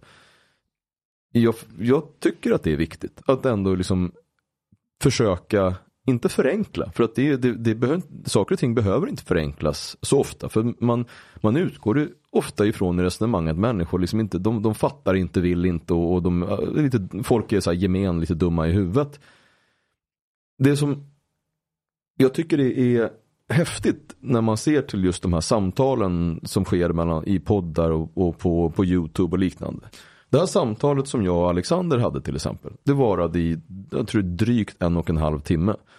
Den ligger, jag tror den ligger nu på fjärde plats på den här YouTube-toppen. Så tittar man så här, vad som är runt omkring. Så är det så här, eh, Jonna och, och Jocke gör roliga saker och så kommer det någon så här den här jättearga hiphopparen eh, svär och, och viftar med vapen.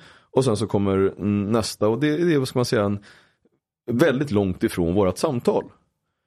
Det som jag tror på det är att både den här snuttifieringen men också det här när man liksom ger nyheter som om det bara, bara var en actionfilm och man gör det liksom coolt och, och snabbt och blixtrande. Jag tror att det långa samtalet där man faktiskt orkar lyssna kommer komma, komma tillbaka. Mm. Jag tycker att mycket tyder på det. Alltså det, vi sitter ju här och pratar jätte, jättelänge och, och hade, vi hade ju inte gjort om vi inte trodde att åtminstone några stycken skulle lyssna på det. Jag tycker att det är jätteglädjande och jag blir både tacksam och nästan lite rörd att så många faktiskt vill, vill lyssna på politiska diskussioner. Mm. Låt mig omformulera mig lite en, en, en, ett politiskt parti och en rörelse lika stor som Socialdemokraterna eh, och nu i dessa tider där det inte går så bra, eh, de kan ju behöva en person som dig som är liksom socialdemokrat i hjärtat men som, som ser att det inte riktigt fungerar just nu. Så här, vi måste fan ta in honom och, för det måste finnas många som honom där ute som genomgår samma process. Men min poäng är att de här som lyssnar på dig och snuttifierar det du säger på det sättet de gör, tror du att det kan skrämma partiet eller de andra eh, socialdemokraterna att faktiskt lyssna på dig? För du blir ju den här eh, jobbiga jäveln som snackar skit om socialdemokraterna Inte för att du gör det hela tiden, men att de här människorna hänvisar till det hela tiden. Jo, alltså om, om jag skulle haft um, politisk karriär som min, min vision så skulle jag vilja säga att jag är definitivt min, min egen största fiende. Sen är jag ju också min egen största fiende, ibland omedvetet, även när jag ska få uh, gemene man att vilja lys lyssna till saker och ting. Jag gör ju saker som man säger i efterhand, man kan inte bara Ja, men jag, den som jag har fått kanske mest trassel med när jag ska försöka få människor att lyssna så var det att jag blev stoppad av polis för att jag inte hade någon eh, skylt på min bil i fram. Den, skylt, den bilen finns, alltså den monteras inte med skylt i fram. Men det är klart att jag beter dig som folk. Du, du får spika fast en skylt på din rackarsbil. Varför ska du liksom hela tiden, varför ska du vara speciell? Varför lyd lagen liksom? Och jag var ganska raljant i det här och tog det inte på speciellt mycket allvar i, i, att många blev arga på att jag inte hade någon skylt i fram på bilen. Så jag bara, ja, men, sa väl till polisen att, att men, vet du vad, jag, jag, förstår att du måste göra det här för att det är ditt jobb. Jag respekterar alla poliser. Jag är jätteglad över att ni har valt det yrket ni gör för att ni gör en stor insats. Men jag kommer, det är klart, inte jag kommer åka hem och sätta dit en skylt nu för att det gör min bil mycket fulare.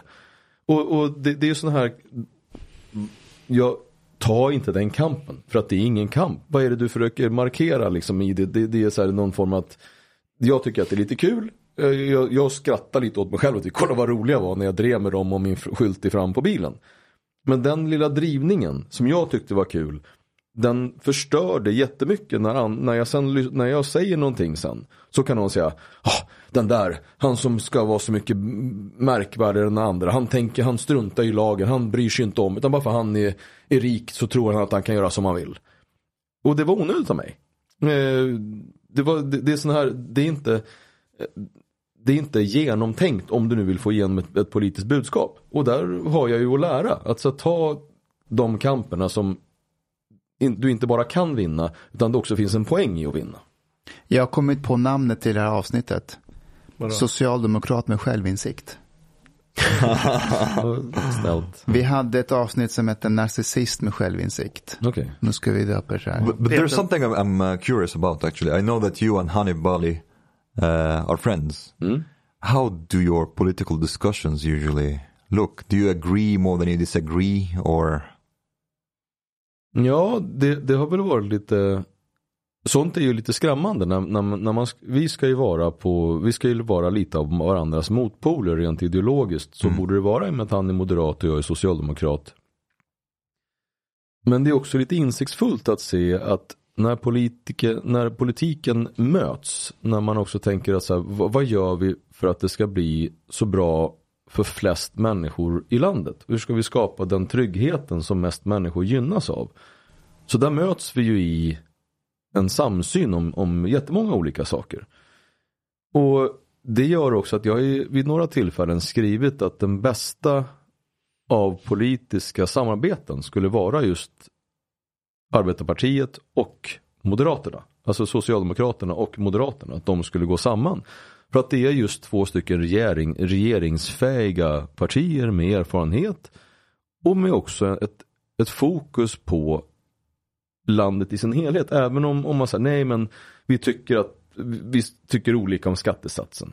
Mm, det gör vi. Men den långsiktiga synen på landet i sin helhet när det kommer till liksom så här stora frågor. Där är vi inte så långt ifrån varandra. Eh, så jag tycker fortfarande att, att Moderaterna och sossarna hade varit en, en, en alldeles utmärkt eh, regeringskonstellation. Men eh, sen så är väl Hanif kan väl vara lite mer radikal än mig tror jag i, i, vissa, i vissa frågor. Åt, åtminstone så är han ju också lite Vi uttrycker oss ibland olika. Uh, men vi tycker i mångt och mycket uh, relativt lika. Jag undrar en grej. Känner du Stefan Löfven? Nej, inte, som inte så personligt på något sätt. Uh, det är väl egentligen den, den första partiledaren på väldigt länge som jag inte haft en, en mer liksom, telefonrelation till. Okay. Eh, men det är väl klart att vi känner till varandra på, på ett ytligt plan. Och, och jag hoppas på att han eh, snart kommer komma till Vi har bjudit in Stefan till våra, vi har ju så här, det vi kallar för Sverigesamtal. Och eh, där tror jag, och jag har en förhoppning om att Stefan snart kommer vara med oss. Det är det du gör med Henrik Jönsson va? Ja, exakt. Ja. Mhm. För jag, jag, jag tror också på det här djupa, långa samtalet. Och jag, för mig var det en, liksom, det var nästan en sorts revolution i medier när Jordan B. Peterson, eh, som är då liksom högerkapitalist, om man ska stoppa in ett fack, ska debattera Slavoj Žižek, liksom marxistisk filosof. Och de säljer ut en hel arena. And Sam Harris as well. Och Sam Harris också. Och så sitter de i tre timmar och snackar och så sitter det 20 000 pers på den här arenan och tittar och har betalt biljetter. Och så kollar du hur många som har tittat på YouTube. Det är ju tiotals miljoner som sitter och kollar på det här. För mig är det en sorts revolution från det här snabba actionfyllda nyhetscykeln. Och det jag ville komma fram till, kan du hjälpa oss att få Stefan Löfven hit? Ehm, nu tror jag för övrigt att, det där, att begreppet ra- ramlade ner. Jag är inte säker på att det är rätt. Men då, jag tror att det jag letat efter är dominansbeteende. Ja. socialt dominansbeteende. Ah, Okej. Eh, och svaret på frågan om jag kommer jobba för Men att är få... inte det antisocialt dominansbeteende? så, så kan det vara. Det, det, Så kan mycket väl vara. Jag tror att Fredrik Kärrholm har snott antisocialt beteende från eh, Ti- Tino Sanandaji och lagt till dominans. Det är inte Tino som har kommit på antisocialt beteende. Nej, okej. Han använder det mycket i massutmaning i Ja, alla fall. okej. All right. Anyway. Ja, och frågan gällande Stefan, så där har, så, kom, så är svaret nej, jag kommer inte lägga energi för att han ska komma till er, utan där, har jag, där står jag i begrepp att försöka övertyga honom att komma till vårat lilla samtal först, rent egen, egen intresse. Ehm, när det kommer till Jordan B. Peterson, är är han verkligen höger? Jag, jag ser, han är väl, inte, han är väl professor i, och, och mera så här, jag tycker inte han som Zizek mera liksom lite rock'n'roll filosof. Jo men det är han. Det är han. Han, är, han är väl mer lite så här popfilosof. Men absolut, han är Och ju så här extrem, psykolog och an, grejer. extrem antimarxist. Det är han. Så han är ju, han förespråkar är ju kapitalism. marxist. Ja det är han. Ja. Men P- Peterson förespråkar ju kapitalism som Mm. fundamentet för samhällsbygge. Så debatten hette Capitalism versus Communism. Okej. Det var But, but he's not. Uh, he's also like far from hardcore capitalist in a way that he's he actually sees inequality as a big problem. Ja men han är typ kristdemokrat utan att vara troende kristen. Fast han är ju Jordan troende kristen. Nej, han, eller han säger väl att han beter sig som om Gud fanns. Dude, han inte är Gud. kristen. Ja men okej, Så- han beter sig som en. He has like an, an interesting interpretation of religion and, and God and so on. Yeah. He sees God as what's good. so it's a bit. Ja, Nej, men debatten hette Capitalism versus Communism. Ganska okej. reducerande egentligen för vad, vad, vad de är kapabla till. Men, men det var en kul turning point. Men jag uppskattar ärligheten i alla fall runt Stefan. Men när ni väl får dit honom till programmet, kan du inte bara nämna att du var här och hade kul? Och... Med största sannolikhet så kommer jag inte göra det. Jag uppskattar ärligheten. Du, du är väldigt osvensk i ditt sätt att vara. Och jag vet att svenskar tar det som en komplimang när man säger att de är osvenska. Tar du det som en komplimang? Nej, jag är ju medveten. Först och främst, så, så, så om, man, om man tror att man inte är påverkad av sin egen uppväxt, så tror jag man är naiv. Jag har ju växt upp på ett väldigt osvenskt sätt, med väldigt, väldigt få svenskar omkring mig när jag var liten. Eh, jag växte upp det är inte så att jag är född i en palestinsk familj på något sätt. Men jag, jag växte upp eh, med och hos en palestinsk familj.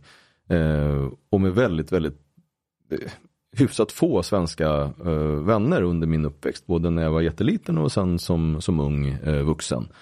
Och att tro att jag inte har påverkats av det är ju, jag tror att det, det är lite naivt. Och om det är bra eller dåligt? Eh, ja, jag försöker ju så som jag tror att alla andra gör, att man försöker efter förmåga ta russinen ur kakan. Och där jag försöker ta det svenska, eh, det som jag tycker är väldigt bra av svenskheten. Och det är också hos framförallt då den arabiska kulturen som jag också tycker är, är bra i den arabiska kulturen. Eller det som då man Som kanske en, enklast skulle säga är så här icke-svenskt. Jag bara säga att alla, alla Sverigedemokrater som lyssnar nu stängde av vår podd och slutade prenumerera på det här nu. Ja, för att jag säger att jag är uppväxt bland, bland invandrare och Inte det att du uppskattar delar av den arabiska kulturen. But, but for Slängde den ner nu i vattnet. Ja, det- den, den stora delen, alltså här är ju svårt att säga vad som är alltså en Gottsunda-kultur eller en förortskultur och vad som är den arabiska kulturen. Men jag skulle säga, jag skulle ge credden till den arabiska kulturen. Det är den, det inbjudande i familjen. Alltså det, det vill säga när en kvinna som jag nästan, jag ska inte säga att jag såg henne som min mamma, men en, en, en, en kvinna som jag tyckte väldigt, väldigt mycket om. Sa alltid åt sina, sina söner som var mina vänner att eh, ingen fick liksom äta innan jag fick brödet först eller att jag var gästen och, och att man alltid liksom fick man, det var så uttalat Afghansk att kultur, du, samma att, sak. du, att du ska känna dig inkluderad som en del i familjen. Att vi, man bröt, och nu tar jag ett så här kristen eh, anslag på det, vilket kan bli lite, men, men hur vi bryter brödet. Att vi delar, det som finns delar vi på. Kommunism. Eh, men, men det var, det, det tycker jag är en, eh, en jättefin sak. Jag säger inte, för många säger att ja, snåla svenskar och så så uppfattar jag det inte heller. Men däremot så är öppenheten så som jag upplevde den hos, eh, i min uppväxt i Gottsunda, hos mina arabiska, palestinska främst och vänner. Eh, har präglat mig och har, har gjort mig till, jag skulle nog säga att jag agerar gentemot mina barns vänner så som eh, den palestinska familjens mamma agerat mot mig.